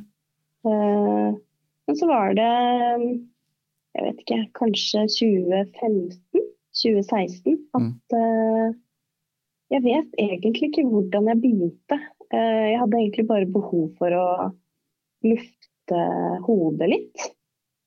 Og hadde en venninne som, som anbefalte meg bare ta en løpetur. Mm. Og siden har jeg løpt. Ja. Du fant ut at du kunne gå ut og løpe og ikke måtte liksom pese, altså kjøre hardt Ja. som de gymgreiene som vi holdt på med var, ikke sant? For det var alltid sånn. Ja. Ja, det var det der Cooper-testen, og jeg husker de der tinga, var grusomt. Det var et mareritt. Ja, ja. Når ikke, ja, Man fikk blodsmak i munnen Ja, og ja. syntes det var helt grusomt. Ja. Uh, men så Jeg begynte jo bare i Så begynte hun med veldig få kilometer. Og løp uten noen form for måling, altså uten klokke. Mm. Løp med mobil, men det var jo bare for å høre på musikk. Eller så Mm. løp jeg uten, bare for å få Mm. Mm. Uh, og så ble det jo bare mer og mer. Og flere og flere kilometer i uka. Over hvor lang tid Eh. liksom akkumulerte det seg da? Hvordan, hvordan var det i begynnelsen? Hva var liksom typiske turen da? Hvor langt løp du? Da syns jeg at jeg løp langt hvis jeg løp eh, åtte kilometer. Ja. Da, da hadde jeg løpt veldig langt, Mm. føler jeg. Mm. Eh, og så ble det vel vanlig med en mil kanskje sånn tre-fire ganger i uka. Og så brått så var det en mil hver dag. Mm. Eh, og så ble det lenger. Så, så du kom ganske fort inn i den hver dag? Løpe hver dag? Ja. Ja. ja. Hvor fort da, Eh. liksom? Hvor, hvor lenge hadde du løpt når du kunne løpe hver dag? Kanskje, kanskje et år. Ja, ja det er ganske Maks et år. Mm. Ja. Så, så det gikk egentlig sånn ganske fort, men jeg følte likevel at det var en veldig gradvis økning, da. Mm. Og slet jo aldri med noe, med noen skader eller noe i, i den perioden. Men hvor, Det kom egentlig bare av seg selv. ja, hvor, hvordan løp du da? Var det sånn standardfart, eller du løp ut på følelsen hele tiden, eller begynte, når ble det noe strukturert, eller? Det var skikkelig ustrukturert. Ja. Eh, bare rett ut på samme hastighet hver eneste dag. Mm. Eh, ofte samme runde. Mm. Eh, så sånn sett så var det jo ganske liten progresjon, annet enn at kilometerne ble flere. Mm. Eh, men så, så ble kroppen bare vant til det etter hvert, da. Og da, da så jeg ingen grunn til å, til å slutte. Og så er det jo ekstremt deilig. Mm. Ja. Hva, hva er det du syns er deilig da, med løping? Det er jo den mentale avkoblingen, da. Mm. Jeg tror ikke at jeg har noe annet i livet som gir meg den roen og eh, får ut stress og problemer Mm. på en bedre måte enn det løping gjør. Mm. Og det tipper jeg at det er ganske mange som er enig med meg i. da. Mm. Ja, det tror jeg. Det er, en, det er en avkobling. Og du, når vi vet litt om bakgrunnen eller hva du jobber med og sånn, så er jo det Det er vel en ganske stressende jobb, eller det er Ja. en del Det er høyt tempo og mye avgjørelser som må tas, og du har mye ansvar Ja. for mange mennesker og ja. Det er det absolutt. Så noe av det deiligste er jo Jeg pleier jo ofte å løpe både før og, før og etter jobb. Mm. Og da er det akkurat som jeg får eh, ut eh, avfallsstoffene og, og får senka skuldrene etter, eh, etter jobb. Da. Ja. Og får liksom prosessert ting Mm. i hodet. Mm. Er du eh, Ja, er du en Du sier prosessert ting i hodet. Er, du- er, du en, er du en tenker? Altså tenk, tenker du mye? Er du Ja, Ja. jeg tror jeg er det. Mm. Det er jo um, Jeg begynte jo liksom med løping for Altså som en slags form for egen terapi. Mm. Um, har uh, hatt ja, et par vanskelige ting i min barndom Mm. som, som løpingen har, har hjulpet meg gjennom. Da. Mm. Ehm, det er en veldig lang historie å ta, men, men da jeg var eh, da jeg var 15, så, så forsvant uh, faren min i Brasil. mm. Um, og da uh, Da reagerte jeg veldig sånn instinktivt på og, og ble voksen veldig brått. Mm. Um, og, og gikk fra, fra veldig gode karakterer til, til nesten bare seksere. Mm. Um, for jeg la all, all energi i, i skolearbeid og, og, og være pliktoppfyllende. Mm. Og, så, og så gikk det ja, så gikk det jo en del år, og så tror jeg at jeg rundt 2015-2016 fikk den reaksjonen jeg på en måte hadde dytta under teppet. Mm. Eh, Den kom da, og da var det utrolig deilig å kunne dra ut og løpe og få få vært i kontakt med meg selv da, Mm. på en helt annen måte. Mm. Um, så, så sånn sett så vet jeg ikke helt hvor jeg hadde vært uten, eh, uten løpingen. da. Kan jeg spørre, hva, hva, slags reaksjon var det du fikk? Altså, var, var, det som en depresjon, eller var det en mental på en måte reaksjon? Det var vel, det var vel bare det at jeg, jeg, følte vel ikke noe depresjon sånn sett. Det var mer at jeg møtte veggen. Mm. For du hadde Det høres ut som du har Altså, hvis, Var dette sånn ti år etter, eller? Uh, hvis jeg bare regner sånn? Ja. ja. Mm. Det, det høres ut som hvis du opplevde noe vanskelig som ja, når man er liksom midt i tenårene, og så jobba du veldig hardt på skolen og måtte være, eller ble pliktoppfyllende og la energien din der, og så eh, har du fortalt at du har jobba i Dagbladet siden du var veldig ung, mm. og så har du virkelig hatt en ganske karriere, så det har vært kanskje et fokus der, da. Veldig mye, kanskje? Ja. ja. Mm. Jeg, jeg, hadde på en måte ikke Jeg tenkte jo tidlig at oi, så bra dette gikk. Dette mm. kom jeg meg jo veldig fint gjennom. Mm. Eh, en, en, så stor sorg det er å, å miste en forelder. Også, mm. også gå i den uvissheten, da. For uh, han, er jo, han er jo fortsatt ikke funnet, så vi Nei. vet jo ikke hva eksakt som har skjedd. Um, så jeg gikk jo hele tida med den tanken om at dette hadde jeg kommet meg gjennom. Mm. Uh, og så gikk det ti år, og så så jeg at dette hadde jeg jo ikke prosessert i det hele tatt. Mm. Um, og da ble det lange turer ute for meg selv. Mm. Uh, hvor jeg tillot meg selv å ta i det. Mm. Um, og jeg husker også at jeg synes det var veldig fin veldig fint i starten fordi faren min var også en, en løper. Mm -hmm. um, han løp ja, han løp flere maraton, husker jeg, her i Oslo. Um, så på den måten så følte jeg meg samtidig også litt nærmere han. Mm. Når jeg hadde på meg løpesko mm. og var ute. Kunne ta opp en arv, en slags arv? Ja. Ja. Mm.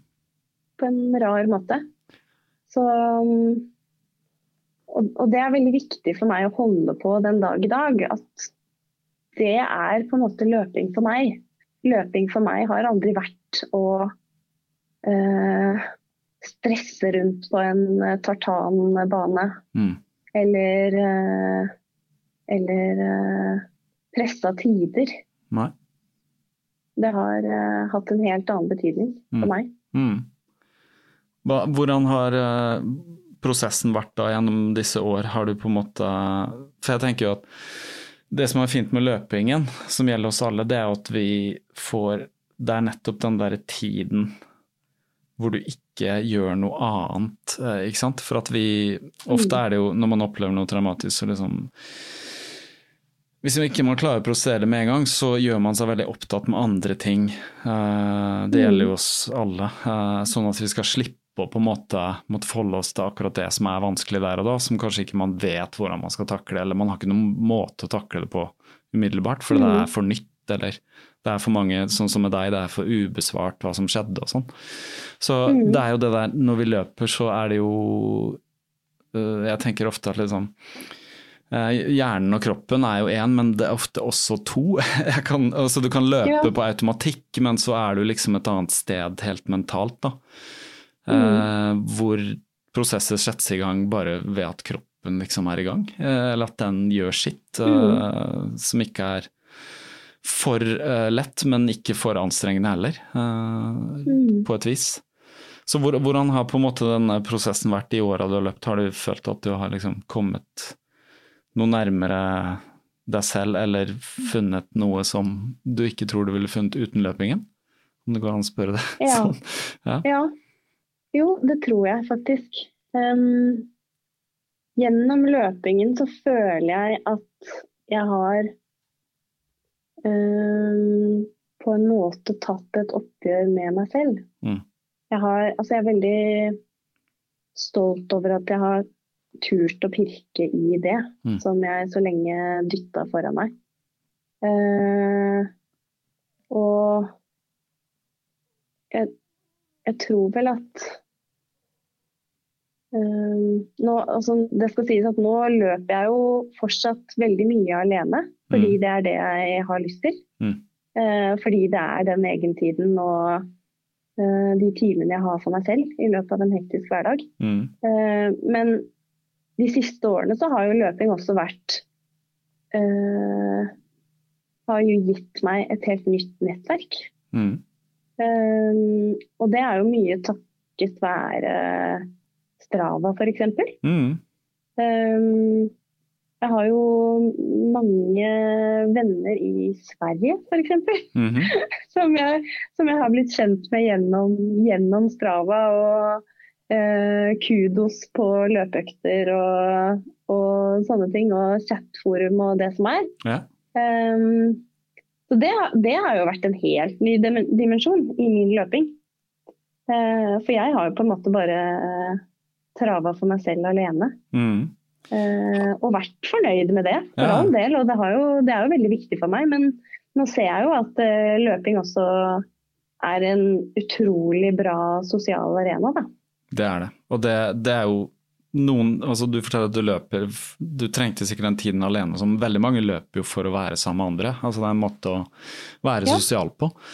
Eh, Det er noe jeg har opplevd òg, på et vis. Selv om jeg løper jo heller ikke så mye med andre, men det er gøy. Det er jo derfor, jeg tror det er derfor vi løper løp og sånn òg. altså stiller opp i løp.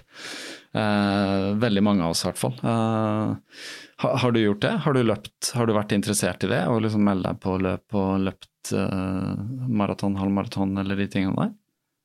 Jeg har en liten fobi mot Ja. å stille opp i løp. Mm. Men eh, jeg har løpt eh, eh, to eller tre halvmaraton. Mhm. Så jeg har løpt sentrumsløpet en gang. Um, men jeg har jo som mål Jeg hadde jo som mål i 2020 Mhm. å løpe, løpe et maraton. Mm. Eh, men det utgikk jo. Ja. Eh, så det målet står jo fortsatt for 2021. Mm. Um, og det skal jo sies at jeg er jo med eh, de to siste årene så har jeg vært med i eh, OSI, som er eh, Oslo-studentenes idrettsklubb. -hmm. Um, og der får jeg jo litt sånn pushing på nettopp det der. Mm. Om å tørre å stille opp i, i løp. Mm. Så det spørs om, spørs om de kanskje klarer å overtale meg i år. Hva har du Eh, lyst til å løpe, da? Jeg har jo veldig lyst. Ja, ja. Nei, Jeg har lyst til å løpe både halvmaraton og maraton. Mm. I, Eh, I jeg Oslo, har eller? Jeg har jo løpt Nei, ikke i Oslo. Nei. Jeg har løpt, eh, løpt halvmaraton i Oslo, og du får meg ikke til å løpe den løypa to ganger. er det den Som løypa er over, Sankthanshaugen, eller? Den Ja, eh, siste? Den nye? Ja. Mm, ja.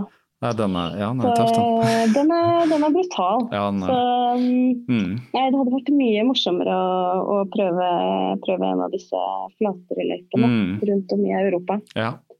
Og prøve, Eh, prøve deg litt. Stockholm eller København. Ja, ja, ja. Det er mange i Praha og Berlin og det er jo ja. men, det, men det er jo litt sånn um, Siden jeg ikke er med i så mange løp, og er med i OSI, da, mm. så, så føler, føler jeg meg jo av og til litt som det sorte fåret. Mm. Um, fordi jeg fortsatt er såpass lite strukturert i treningen. Mm. Uh, jeg har jo noen altså, Da det var fellestrening, da, eh, før eh, koronaen, Mm. så, så har vi fellesøkter tirsdag, torsdag og lørdag. Eh, og da Det tok litt tid før jeg turte å være med fullt ut, men jeg ble med til slutt. Og syntes jo det var helt fantastisk. Eh, men jeg er nok fortsatt litt for ustrukturert i at jeg løper for mange kilometer Mm. eh, utenom disse øktene. Ja. Um, altså jeg får jo hele tiden høre at eh, jeg løper for mye. Mm. Um, og jeg kan ikke bak fram på en laktatmåler eller, eller noe som helst. Så, så sånn sett så er det, er det veldig mange som er uh, mer uh, målretta og fokusert enn jeg er. Men er det også. Ja, er, er det mange som har en mening om hvordan du burde løpe i, i klubben eller blant de vennene du har Ja. fått, eller ja? For de ser du løpe mye, for jeg også ser du løpe mye, og jeg ser jo at det, det er jo sånn det var sånn Jøss-mengder. Eh, snakker vi 180 km i uka, ikke sant? Kan det stemme? Ja. Ja. ja. Og nå leste jeg nettopp de to, ja. to siste ukene så har jeg jo vært på eh, rundt 200 Oi. To, kilometer uka. 200. Ja. Og det er jo sånn, altså det, Ja, men da, da regner jeg med at Men det er ikke mange harde økter oppi det, vil jeg tro, eller? Ja, det er mellom to og tre, da. Ja. Ja. Så du er, er, ja. og så er det forholdsvis rolig ellers. Mm. Eh, det er nok mange som syns at jeg burde løpe litt roligere på de øktene utenom. ja. Um, så det, det øver jeg meg litt på. Ja. Men, men så er jeg samtidig litt sånn Jeg løper for meg. ja. Så, så da kan jeg av og til bli litt sånn Ja, men kan ikke du bare holde øye med deg selv? Ja, ikke Hva du gjør? Ja. Ikke sant? For det er sikkert mange som er sånn «Ah, Hvis du gjør sånn og sånn og bare Ja. liksom justere på dette og dette og sånn. Men da må du begynne å tenke veldig mye og planlegge hver eneste økt og hva skal jeg gjøre i dag? Ja. Og, ja. Og det, jo, det har jo for meg ikke vært måten jeg løper på. Nei. Eh, Men, men når det er sagt, Mm. så har jeg jo veldig lyst til å se hvor mye raskere jeg kunne løpt da. Mm, mm. På en halvmaraton eller en maraton Ja. f.eks. Hva, hva, hvor, Eh. hvor ligger du nå, eller hva har du lyst til å løpe på, eller har du noen formening om det? På f.eks. En halvmaraton? En halvmaraton er jo målet 1,30. Ja. Nå er jeg vel på 1,36 eller noe sånt, Mm. så jeg har jo en god vei. Mm. Um, og så har jeg jo bare Altså maratonmålet er jo bare delta Mm. i et maratonløp. Jeg har jo løpt maraton, men bare på Bare alene, liksom. Som en test, ja. Mm. Men det tror jeg, altså 1,30, det skal gå med litt struktur. Eh, det vil jeg tro. Ja, det det. Eh, når du løper så mye, så det vil jeg tro uten at jeg vet noe, vet noe om deg eller sånn. Men eh, ja, det, det kan jo bli interessant å følge med, da. Uh, hva, hva, Eh, men hva, hva, liker du hvis det er sånn uh, økter som, uh, som går på litt Ja, når vi begynner å snakke om lakta- laktat og terskel og sånn. Er det noe Ja. du har løpt som du liker å løpe? Altså noen intervaller eller tempoøkter eller Ja. ja. Altså, vi, har jo, vi er jo så heldige at vi har, har en trener Mm. som, som hver uke sender ut eh, forslag til økter mm. um, på disse terskeløktene. Og blant favorittene er jo ja, eh, åtte til ti ganger 1000 metere. Um, kanskje uh, to ganger ti minutter, Mm. og så to ganger åtte minutter. Mm. Um, vi, har jo, vi har jo noen sånne faste steder rundt om i Oslo. Mm. Eh, Nordre Gravlund er jo et av de mest populære stedene for, eh, for terskeløkter eh, for, Ja. for alle i Oslo. Ved siden av jo- Ullevål der? Ullevål Ja, sykehus? Ja. 15, 1500 meter Rundt, rundt. der? Ja. Den, ja. Ja. ikke sant? Så løper man den en seks-sju ganger, da. Mm. Da har man en god økt. Mm, Det har man. 1000 meter Ja. da, er det hvor uh, Voldsløkka er sett du har løpt. Der er det også, kan du løpe 1000 eller rundt 1500 og sånn. Mm, Mm. Voldsløkka er fin. Uh, det er eh, oppe ved Sogn. Mm. så er det også veldig fint. Og så er det jo selvfølgelig denne Tour de Finance nede på Frognerkilen. Den flate, ja. Det er Ja, ma- mange som løper du- der. Ja. Da må du holde deg til, til venstre. Hvis ikke så blir du påkjørt av de veldig, veldig raske eh, løperne. Ja. ja, det er mye Ja, det er, det er litt folksomt der. Det føler man særlig på nå, kanskje. Jeg løp der eh, for en stund Ja. siden. Det er mye mennesker, og så er det syklister, og så er det vanlig gående, og det er liksom Ja, nei, det, er, det kan bli litt trangt der. Jeg tror folk kjenner litt mer mer på det nå. Ja. Ja, der er det i hvert fall eh, veldig Der har du vikeplikt, altså, for de Ja. som er eh, raskere enn deg. Ja, ja. Ja. ja. Og det er ikke Så- så alltid at alle liksom forholder seg til det, føler jeg, eh, Nei, blant løpere. Det er det ikke. Nei. Nei. Jeg har opplevd en del av det på, på bane, eh, når man løper på bane og prøver å løpe 1000 meter i indre bane, eh, bane nummer én, og så er det noen som løper i bane nummer én med store headset og Ikke sant. Det er litt sånn, ja. Det er jo, det er jo skrekk. Ja, det er skrekk. Og så Altså- kommer man i full fart, så må man på utsiden og sånn. Da blir man sur, for man løper jo hardt. Altså, Ja. Eller man var for sin egen del. Altså. Så, men eh, Voldsløkka føler jeg funker ganske bra. Der er det Det kan bli litt trangt der òg, men det funker fint, det. Nå har jo Det dessverre å ikke bare, ja. det gjelder å løpe på de tidene jeg gjør. Mm. Da er det ingen der. Ja, for det, nei, for det ser jeg at du løper eh, tidlig. Gjerne uh, starter klokka akkurat klokka fem om morgenen, f.eks.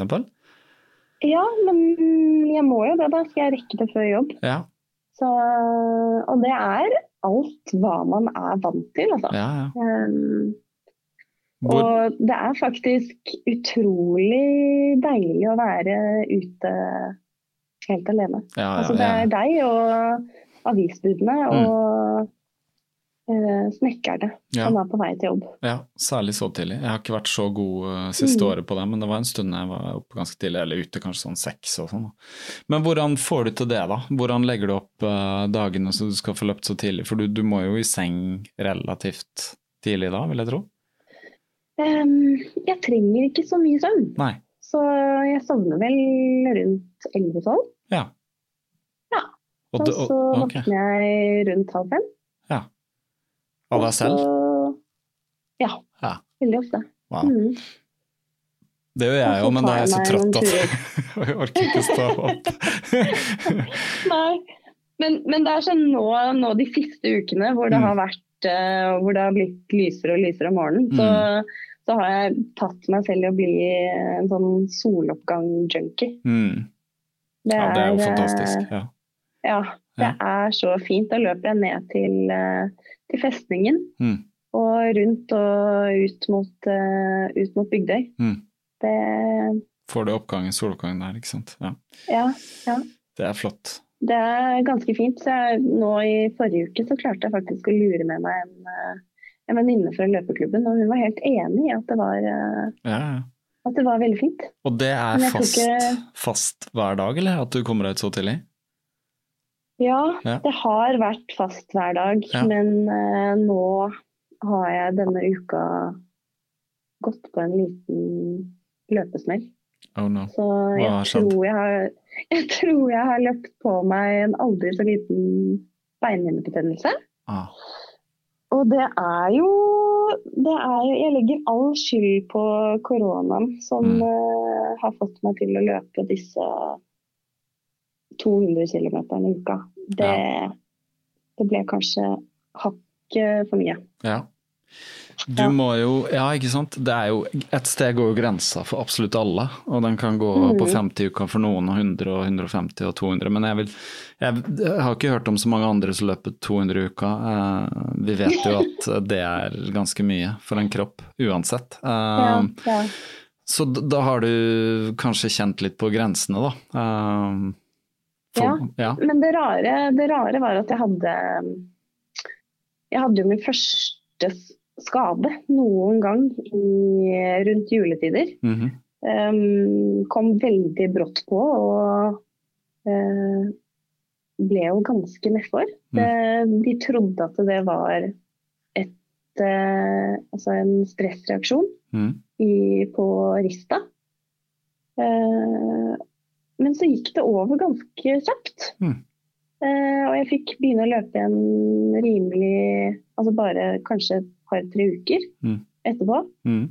Um, men så har jeg nok kjørt på litt for hardt etter det, da. Fordi Mm. det er jo nå Det er jo leggen på samme fot som Mm. har begynt å streike.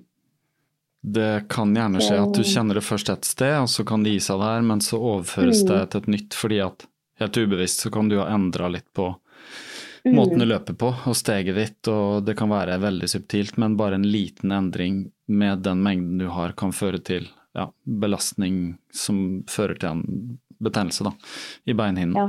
Uten at jeg er noe ekspert på noe som helst, så kjenner jeg det fra min egen At jeg har typisk at jeg har min høyrefot som jeg alltid sliter mest med. Uh, om det er kne Ja. eller rista eller uh, leggen eller et eller annet sånt. Alltid den samme foten som flytter seg litt opp og ned, liksom. Ja, jeg håper jo at dette ikke skal være, være langvarig, da. Fordi det er vel alle enige om. At er du glad i å løpe, så er det jo Mm, døden å ikke få gjøre det. det er det.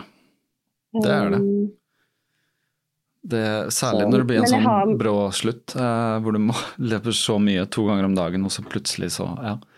Ja. Men, men man har seg selv å takke. Så, og det er jo kanskje en fin, en fin uh, vekker å få også, da. Mm, Uh, absolutt at jeg kanskje bør legge meg på ja, 10 140 da. ja. 140-150. Får jo løpt Kanskje? ganske mye da òg, i løpet av en Ja. uke. Det er 20 om dagen, liksom. Så, Ja. og så kan du jo periodisere litt, og, ikke sant? litt opp og litt ned. Og det er mye man kan gjøre. Mm. Um, kjenne litt på det med Kanskje hvis du begynner å løpe litt hardere i øktene dine, så vil du bli litt mer sliten, så behov for å løpe litt roligere dagen etter. Det er jo ofte Ja. det som er vanskelig for løpere, er jo å løpe rolig, da. Uh, Det virker som med deg jo at du har liksom ja. eh, en fart, Det ikke er sant. veldig vanskelig. Det er vanskelig å løpe sakte, ikke sant. Eh, Mm. Det er jo det, fordi man er vant til en fart. eh, så det er jo ofte der.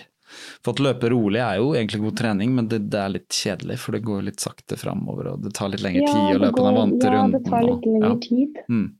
Da, jeg, jeg kan jo ikke stå opp før. Nei, nei, ikke sant. Men eh, du begynner, ja, du begynner ganske tidlig, da. Eller hvor, hvor, hvor lenge løper du da når du løper klokka fem? Er det sånn time eller lenger, eller? Nei, da kan jeg løpe mellom en time og, og to, kanskje. Ja.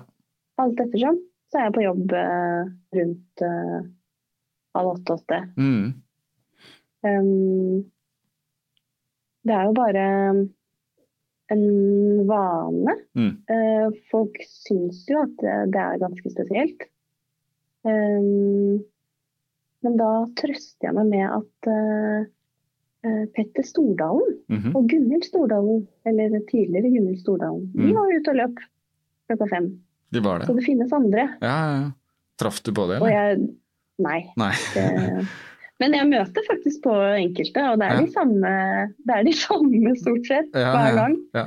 Så man blir jo nesten litt på hils. Ja, ja. Ha, har du fått undersøkt litt forresten med en sånn beinhinnebetennelse, eller vet du noe om uh, Nei, jeg er bare du- egentlig nei. ganske klar på at det er det. Fordi den er uh, ganske hoven mm, framme på leggen. Mm. Og uh, veldig sår. Mm, Så der er det selvdiagnostisert Ja. beinhinnebetennelse. Ja. Så Men jeg, jeg vil ikke tro at det er noe sånn veldig langvarig. Jeg har hatt noe lignende selv i maratontrening og sånn. Og ja, jeg har også, som vi skrev sammen, jeg hadde det i militæret eh, på rekruttskolen, for vi marsjerte så mye i nye støvler og sånn. Ja. Uh, så jeg husker det var vondt, men det gikk over uh, ganske kjapt. det relativt kjapt. Hvor mange Nei, altså noen du kjenner det en uke eller to eller et eller annet sånt. Men det er jo sikkert Ja. også veldig individuelt. Men det er ikke noe sånn Ja. Altså det er, det er andre skader som vi vet om som, som varer lenger, ikke sant. Som er Ja. mer sånn alvorlige. Dette er jo beinhinnen, så det er liksom Hvis det sitter i Altså det er jo på en måte vel et vev eller muskulatur eller sånt. Ting som ikke liksom Betennelser sitter så lenge, da. Hvis det er sånne ting som er sener og det som kobla til bein og sånt, så tar det jo enda lengre tid, for det er så lite utskiftning av blod og sånne ting, da. Ja. Og det er der man får skader som sitter lenger, eller hvis det er noe sånn brudd og sånne ting. Stress, eh, tretthetsbrudd eller hva det heter, sånne ting. Så, men jeg vet Ja. også veldig lite om dette, så Men jeg vil jo tro at å hvile seg litt, og så Kanskje jeg drev og foamrolla på den selv om man var vond, jeg. Oi, Eh, det høres jo helt grusomt ut. Ja, det var grusomt, men, det eh, var på en måte at den var liksom på en måte så stiv og hard også foran der. At det, Ja. Men altså det er sånn, det, altså, kjenn litt på det liksom, hvor smertegrensen går. Men jeg opplevde at det funka. Og så mm, er det jo å tenke at det er en slags inflammasjon, så man kan jo liksom altså pass på liksom kosthold og kanskje litt ekstra hvile og sånn. Så for kroppen fikser Ja. jo sånne ting selv. Uh, Mm. Etter hvert, så det er jo som alle andre betennelser, liksom, så må man bare skjønne at selv at, ja, at du liksom roer litt ned generelt, da, uh, kanskje. Uh, Og så er det også spis- litt eh, Det er jo også litt deilig kanskje å kjenne på det ubehaget. Mm, mm, Eh, altså ikke, ikke smerten i seg selv, men at du tar inn over deg hvor kjipt du syns det er at du ikke får løpt. mm, mm. Eh, og kanskje dermed ser at nå tøyte jeg strikken hakket for stramt. ja. Og at man da lærer av det da, Ja. til neste gang. Ja. Det er sikkert uh, musikk i ørene til mange av de i løpeklubben min. ja. At, uh, altså det er jo noe med det, man lærer ikke før man går på smellen selv. Nei, det gjør ikke det. Det er jo ofte det som gir deg erfaringer òg. Altså, det er jo det. Ja. Det pusher grenser og Det er greit å kjempe hvor grenser går, uansett. Altså om det er en økt eller i et maratonløp, eller hvor mye man løper i uka, eller ja, hvor hardt generelt. Ja, alle disse tingene. Det er justeringer. Eh, og lø løping er veldig sånn Det er veldig utviklende. Altså det er en slags evolusjon i det òg. Jeg, jeg er jo ikke den samme Jeg har ikke løpt noe særlig lenger enn deg, fra rundt sånn 14-15, tror jeg. Og det har jo vært en voldsom utvikling på, på en måte hvordan jeg forholder meg til det. Og ja. Ja, hva er det for deg?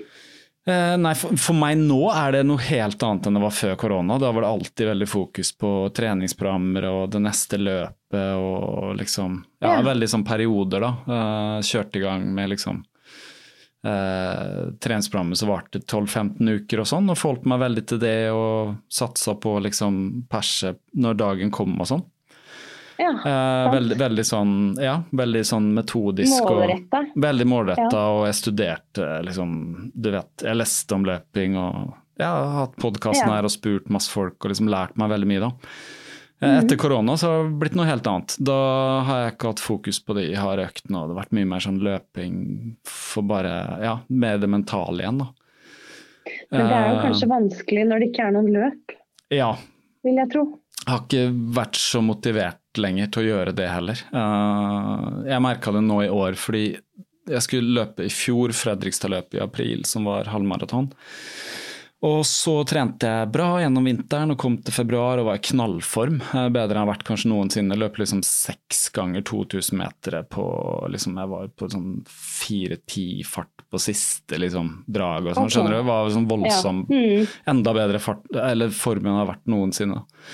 Uh, Mm. og så kom den koronaen, og da bare ble det sånn Lufta gikk litt ut når det ble avlyst og sånn. Og så Ja. Nei, Jeg har forandra seg litt. Jeg har tenkt litt mer på sånn mengde, hvor mye kan jeg løpe, og kan jeg løpe lenger enn før, og ja. Så hvor mange dager kan jeg løpe på rad, og klarer jeg 300 på en måned. Sånne ting, da. Ja, Eh, bare ja. finne på andre ting. Mens i år så, så skulle jo det Fredrikstad-løpet gå igjen, og så hadde jeg en sånn ok, nå begynner jeg å liksom å periodisere og trene igjen, men da kjente jeg kroppen var ikke klar for det. Det var sånn, Nei. Jeg kjente jeg var litt sånn sliten av ja, kanskje hele korona, hele Av, greia. da. Ja. av koronaen. Ja. Jeg tror at det påvirker oss mye mer enn vi tror. Ja, ja.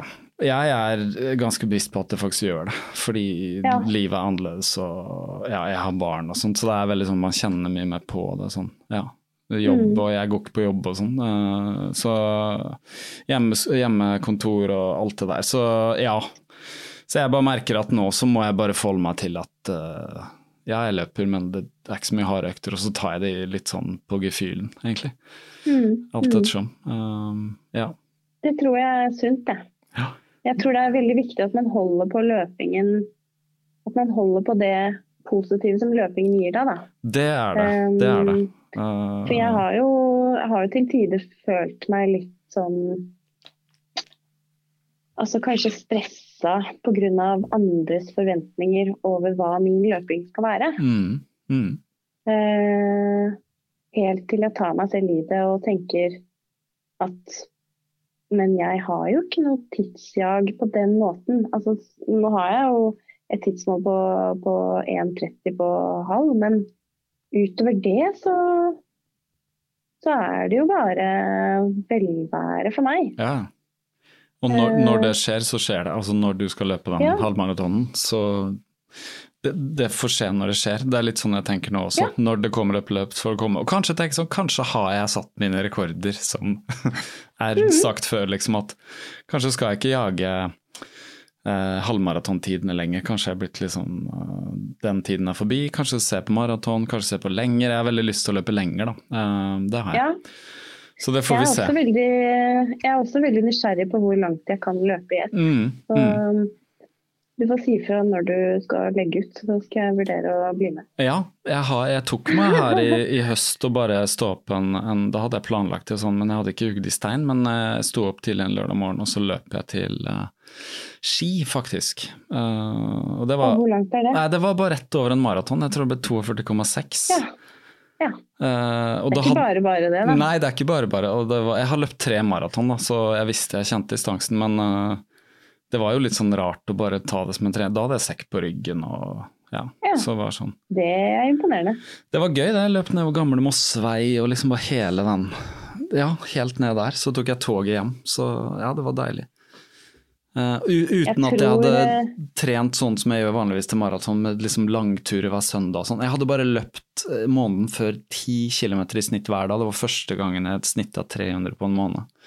Så da, Ja. bare av det så ble man liksom i stand til å løpe langt, ikke sant. Så ja. Det var å finne Ja, ut noe nytt. jo- Ja. Det er jo det er, det er jo veldig spennende, liksom. Mm, mm. Å se, se hvor, mye, hvor mye man klarer. Mm, det er det. Eh, Jeg har en, har en bekjent i, i Sverige nå som, som også har en løpepodkast, og han, han skal brått eh, løpe 24-timers. Man. Ja, og har liksom lagt om helt fra, fra maratontrening til, til ultra. Ja. Eh, Så han løper Han tar liksom en tre økter per dag på 30 km, f.eks. Ja, ikke sant. Altså det, det høres jo helt uh, galskap ut. Hva heter den, det er gøy å høre, hva heter den podkasten?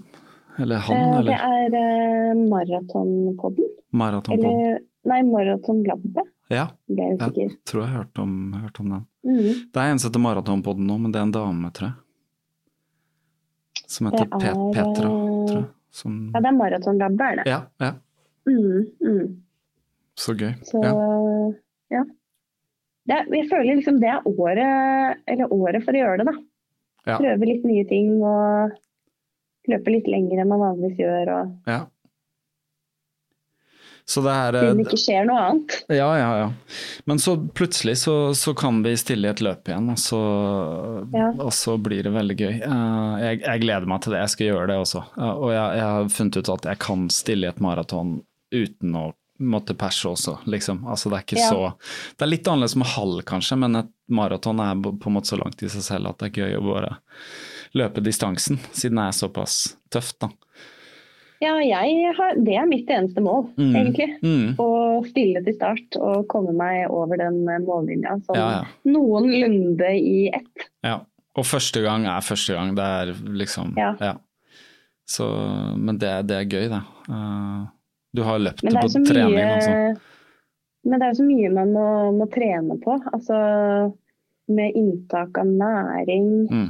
Eh, altså hva man skal spise på forhånd. Altså, det er jo så mye Det er jo så mye forskjellig. Ja. Eh, nei, du skal ta rødbetjuice. Eh, Ja.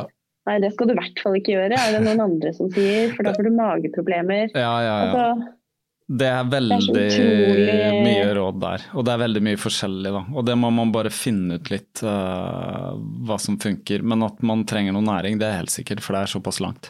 Og det akkurat det der har jeg brent meg på da jeg snakka om podkasten, at den første maratonen gikk jeg på en smell fordi jeg ikke fikk i meg nok, rett og slett. Og Nei. nummer to maratonet så hadde jeg en plan på det, og det funka.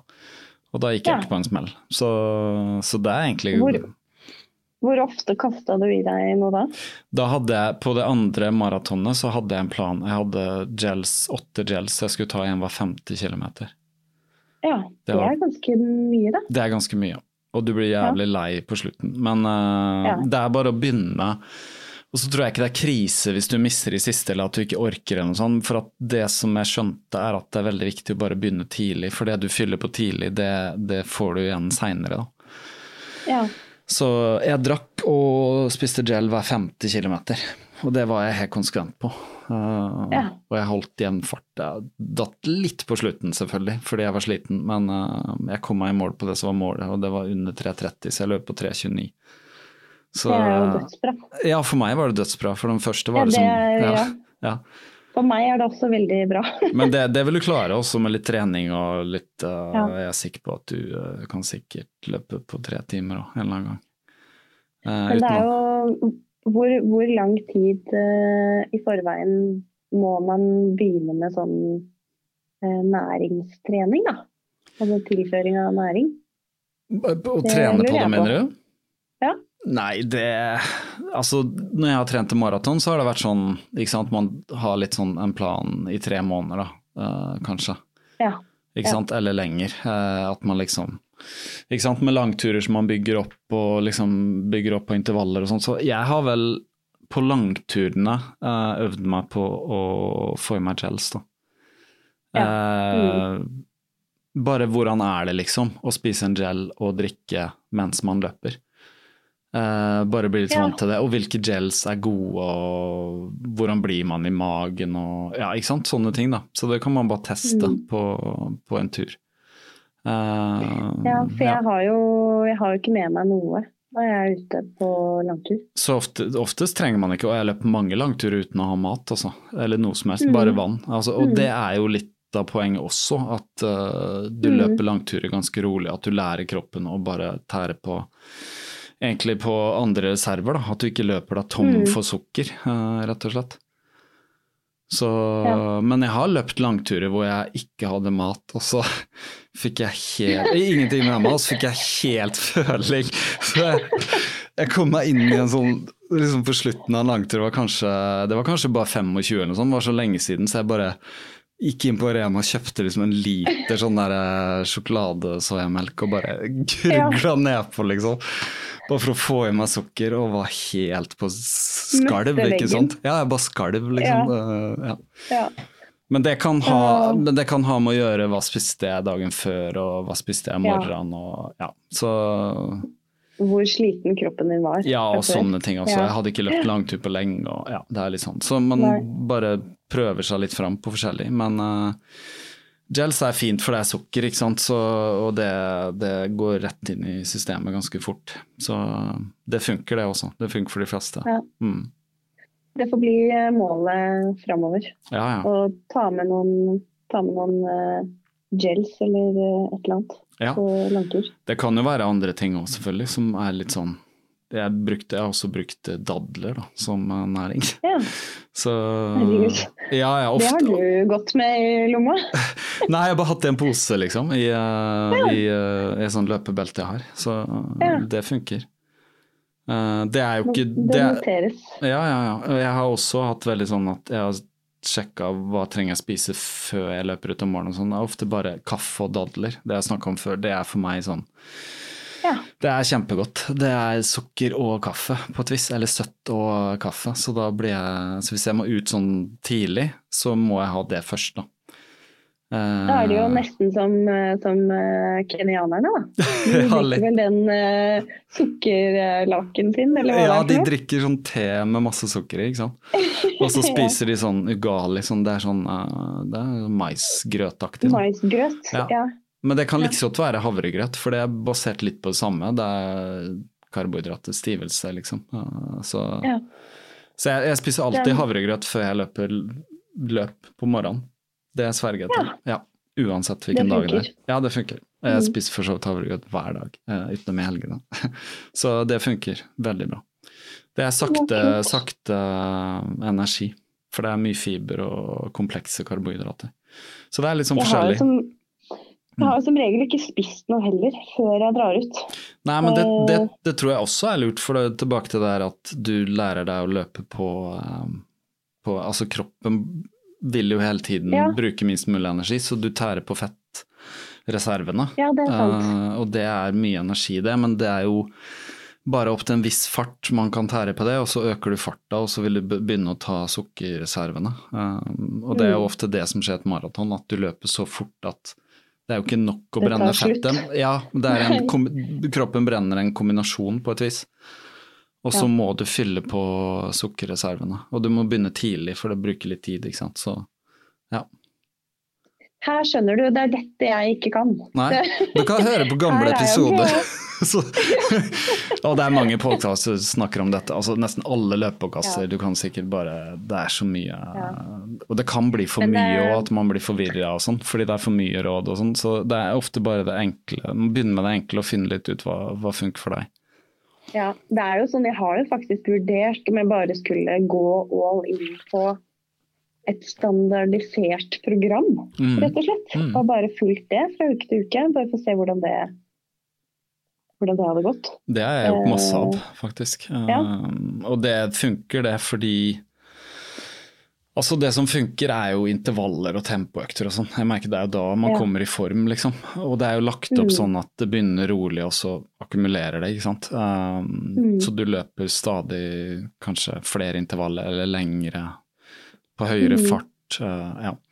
Men så må man lære seg å kjenne også, da. For at hvis noe står på økt, hvis det står en økt på, på, i kalenderen en dag, eller på planen, så må du kjenne litt etter. Orker jeg egentlig den i dag? Ja. Og det er mange som, og det har jeg også gjort, liksom sånn når du egentlig ikke orker Altså tvangsløpt ut på en fredag kveld, bakkeintervaller, når jeg egentlig var kjempesliten etter en uke, liksom. Så jeg holdt på mye Ja. sånn. Um, så det kan Det bli frister ikke så veldig. Det gjør jo ikke det, men så har jeg lært Nei. meg eh, Det har blitt en sånn voldsom disiplin, da. At liksom Ja. Man har egentlig lyst til å legge seg ned på sofaen, men så Mm. går man ut, og så går det jo som oftest greit. Så får du bare Ja. justere litt hvor hardt du løper, da. Men jeg har også pusha fart noen ganger og blitt ikke sant, kjent av kroppen Du blir syk rett og slett fordi du har pusha fart, ikke sant. Ja. Og du plutselig får en forkjølelse eller et eller annet sånt fordi at du har sovet litt og trent for hardt og jobb og barn og Så det er jo sånne ting, og det er litt som skaden din nå nå. Man må liksom kjenne på Ja. helheten, eh, selvfølgelig. Mm, Ja. Det er noe med det. Jeg er litt nysgjerrig nå på hvordan Ja. Nei, jeg skulle bare si at jeg får prøve å huske det Ja, når den eh, skaden forsvinner. ja ikke sant. Og det er en erfaring med en skade, òg, da kjenner man hvor grensen går. Nei, Det jeg skulle si var at jeg er litt nysgjerrig på hvordan det går med folk nå eh, pga. korona. Man liksom, med trening og sånn, fordi at det er litt sånn belastning på oss alle. Uh... Jeg tror det er et Jeg har et inntrykk av at det går veldig på ytterpunktene. ja. Enten så går du Altså hvis du trener fra før, så kan du enten gå all in Mm, uh, og kjøre 200 km i uka. mm, Uh, eller, så, eller så ligger du på sofaen. Ja. Altså jeg føler det er, det er enten-eller. ja. Det er kanskje det. Eh, jeg håper jo at eh, de fleste holder seg sånn relativt godt i gang. Ja, jeg ser jo, altså Du snakker om Strava, så får man jo et visst inntrykk. Jeg ser jo folk løper jo mye. Eh, Ja. Mange. Men så er det kanskje noen som forsvinner ut som man glemmer, da, som, ikke, som må bare legge seg på sofaen en stund. eller sånn. Jeg har en sånn regel for meg selv at jeg skal løpe Hver uke skal jeg ha løpt, da. Ja. Altså det skal ikke gå fra mandag til søndag, eh, så skal jeg ha løpt, liksom. Det er min regel, så jeg prøver å ha Så jeg har hatt en sånn for meg selv siden jeg begynte å løpe, at jeg vil ha en eh, minst mulig uker uten løping. Altså skjønner Jeg Jeg vil ha hatt sånn run streak, da. Mm. Uh, Mm. så, så det er litt sånn greia for meg. Uh, men dag, jeg kommer meg ut som oftest hver dag, eller fem-seks dager i uka. Det er en villdag innimellom, det er det. Uh, det er ikke noe krise for meg. Det er vanvittig bra. Ja. Det er eh, veldig mange som ikke er ute i det hele tatt. ja. Du kjenner, kjenner du noen som har løpt og som, som nå er ute, eller uh, f.eks. noen du har trent med og sånn før, som plutselig bare Nei. det er mer ikke de som løper til vanlig, men kanskje de som, som før har vært på treningssenter. da. Mm, ja, sånn, ja. ja, ja. Ja, Ja. Som, nå, som nå ikke trener i det hele tatt. Mm. Selv om man like gjerne kan løpe ute som å løpe på en mølle. ja. Så er det på en måte den terskelen er for, for mange veldig høy. da. Mm. Mm. Ja, det kan være. Det er sant. Jeg har ikke tenkt så mye på det, men alle de som har gått og hatt sånne organiserte økter, er litt styrke, litt Ja, sånne ting. Ja. eh, bodypump, liksom. Mm. De gamle aerobic-timene. Mm. Eh, som, som ser på senteret som sitt eneste sted til å trene. Mm. Det er jo veldig trist at det er sånn. Mm, mm. Det er det, for det, det er så mye du kan gjøre hjemme og styrke og Nå er det Mhm. så mye Ja, du vet sånn Jeg kaller det Tuftepark, men du vet alle de rundt om som er Ja. sånne ja, De er jo fulle. bars. Ja, de er fulle, veldig fulle. Jeg, jeg klarte å Tidligere i vinter så var de ikke så fulle, så jeg klarte liksom Jeg gjør litt sånn pullups og pushups og sånn bare på en tur, da, løpetur. Men nå er det hver gang jeg løper forbi, så er det så mye folk. Jeg får ikke Nei, så, altså de står jo i kø ja, for å få tatt de jeansa, liksom. ja, ja. Men nå, eh, ja, når treningssentrene åpner igjen, da, så får jeg håpe at veldig mange kommer seg tilbake, og det vil jeg tro også. Det tror jeg på. Jeg kommer. Tror de står og banker på. Ja, det tror jeg også. Ja, virkelig. Men du, jeg, jeg eh, tenker at vi har eh, fått en god prat her. Vi, eh, lenger, Ja, enn vi, lenger enn vi planla. Det er ofte sånn også, når man først setter i gang, så Det er merkelig, merkelig å liksom snakke om løping på den måten. ja. Det er, det er gøy, da. Gøy, det. Det er kjempegøy. Ja, det er det. Og jeg blir jo, jeg blir jo bare mer og mer altså, Jeg blir jo mer og mer glad i, glad i hobbyen min, Ja, skal ja. jeg si. Man blir, du, du er jo blitt en løper. Det er jo helt tydelig at du er, det er en del av livsstilen, og det kommer det nok til å være også. Mm. Jeg tror når man kommer sånn til ditt nivå, eller uh, ja, for oss som løper veldig mye og har, har det som en sånn daglig, i utgangspunktet i hvert fall daglig, mm. så, så er det liksom blitt en del av livet. Jeg tenker jeg skal gjøre dette her så lenge jeg kan, egentlig. Ja. Ja. Det er ingen, det er jo ingen som det er jo ingen som presser meg ut. Nei. Jeg føler ikke at det er noe Jeg føler ikke at jeg må presse meg selv ut heller. Mm -mm. Det er bare noe som skjer. Mm, ja, terapien. Mm. Nå går vi heldigvis inn i en periode når vi kommer til oss gjennom vinteren. Nå er det vår ute, og det er Det er tosifra den antall grader. fineste tida. Ja, ja, det Ja. er fantastisk, og det er shorts og ja, det er Ja. deilig. Men jeg merker at det er mange flere ute nå, eh, og pga. korona så har man mye mer sånn bevissthet på hvor nært man løper forbi noen. Og, Ja. ja, så det er litt sånn Jeg merker jeg må tenke mye mer. Jeg løp over Ekeberg i dag, og så eh, var det mye folk på den ene stien, liksom. Så jeg var Mm. sånn så kom noen løpende forbi meg samtidig som det var noen som var i veien der og kom noen mot. Så liksom føler man at man er sånn Ja, det blir for nært, da. Så ofte blir det litt sånn løpe utenfor og Ja, det er litt annerledes også. Det er det. Så Ja, ja. ja, jeg gleder meg til Det var det. en litt sånn, det var en litt sånn amper stemning i starten da, da like etter at treningssentrene stengte. Ja. For da var det jo enda flere ute, og da var jo folk ekstra skeptiske og, og redde for å bli smitta. ja, ja, ja. Så da, det var jo, da var det en liten sånn der eh, løpershaming-periode. Det var det. Det gikk utover løperne. Det husker jeg. Ja. Jeg husker det, at, at eldre mennesker liksom Mm. var kjempelangt unna. Mm. Bare slo ut med armene. Ja, ja. Og bare sånn avstand. Og bare kjære vene. ja, Det, ja. Jeg er ikke nær deg engang. Men det var da det liksom før vi visste akkurat hvordan smitten var og at, hvordan smitta Ja, og sånn, at eh, folk var rett og slett bare redd, da. Ja. ja. Og det, det skal man selvfølgelig ha respekt for. Mm. Er det noe du har lyst til å avslutte med, som ikke vi har uh, fått med oss? Eller jeg har spurt om? Det er jo sikkert, men uh, er det noe spesielt du tenker på? Nei, jeg tror ikke det. Jeg føler jeg har fått sagt eh, mye mer om løping enn jeg noen gang har gjort. Du har det. men det er gøy, da. Det blir gøy å dele det her. Um, takk skal du ha, Hege, for at du tok deg tid. Eh, vi har planlagt det en stund, faktisk helt siden i fjor, men eh, tiden har bare gått. Ja. Ja. Du vet hvordan det er Jeg vet hvordan det er. Ja. Koronatider. Ja, jeg merker det. Det har gått ganske lang tid mellom hver episode. Jeg prøver å få litt fart på sakene nå, men det er litt sånn Når det er drevet av deg selv, så blir det litt uh, Ja. Som, du, Ja. som sagt, det er ingen som står og pusher meg heller på forrige Nei, det er noe med det. Ja. Ja. Så da er det lettere å ta seg en løpetur, men, uh, men det er veldig gøy. Jeg kjenner jeg savna det, å bare ha en sånn lang prat om løping og høre andres historier. Det er alltid gøy. Ja, Men- og jeg er fast lytter, så jeg har jo savna de episodene selv. Ja, så Så- bra. Det er godt å høre. Det er eh, Det er nok en eh, Det er blitt en sånn liten eh, fast eh, lyttergjeng. Så det er gøy å få tilbakemeldinger, og det er gøy å lage episoder og sende de ut i verden og få tilbakemeldinger. Og, ja. Så det, jeg skal fortsette med det. Jeg har litt sånn fått sånn ja, langt, langt perspektiv på det. At, uh, Det blir litt min egen historie òg, ikke sant. Uh, etter hvert som årene går og ting forandrer seg. Mm. Ja. Så det er gøy.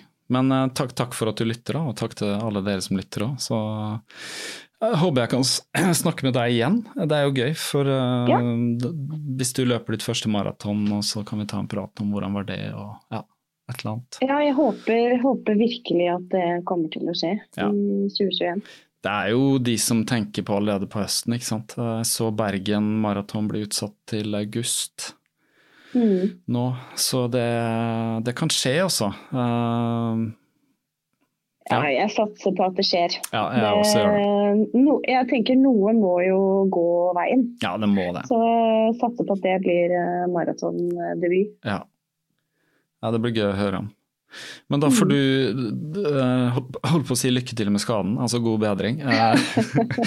For håper det. Håper det går fort over, og at du finner ut av det. Um, og lykke til videre i jobb og alt. Og så ha en god helg når den tid kommer. Selv takk, og takk for, at, takk for at jeg fikk stille. Det, det var utrolig gøy å snakke løping med med noen på den måten. Takk i like måte. Det var, eh, det var hyggelig. Da snakkes vi. Det gjør vi. Ha det godt. Ha det. Ha det, ha det. Det var Hege. Det var veldig gøy å bli kjent med henne, og jeg ser frem til egentlig at vi kan eh, ta oss en prat til, fordi å komme inn på flere ting som uh, dreier seg om media og sosiale medier, ikke minst. Falske nyheter, alle disse tingene. Uh, det ser jeg frem til, uh, forhåpentligvis kan uh, Hege komme her i studio. Det må jo bare skje snart. pandemien forsvinner jo ikke av seg selv, men etter hvert som alle blir vaksinert, så vil det ikke være den smittefaren her lenger, og jeg bare må si at jeg gleder meg stort. Det er et savn etter menneskelig nærhet og kontakt med andre både når det gjelder samtaler på nært hold, å løpe sammen, å delta i løp og alle disse tingene.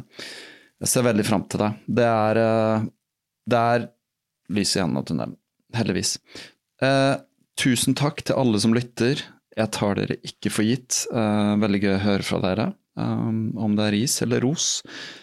Superstor takk til alle, alle patrions som støtter meg uh, med et lite beløp hver måned. Denne episoden og mange andre har bl.a. vært gjort tilgjengelig for mine patrions før den kommer ut i de vanlige kanalene. Og så, eh, helt til slutt, så er det bare å si eh, ha en god eh, påske, om det fortsatt er det. Og hvis ikke, ha en god uke, dag, helg, aften, morgen, hvor enn du er. Jeg håper du tar vare på deg selv løper, finner balansen i livet ditt og virkelig nyter det. Ha det godt inntil vi ses, høres igjen.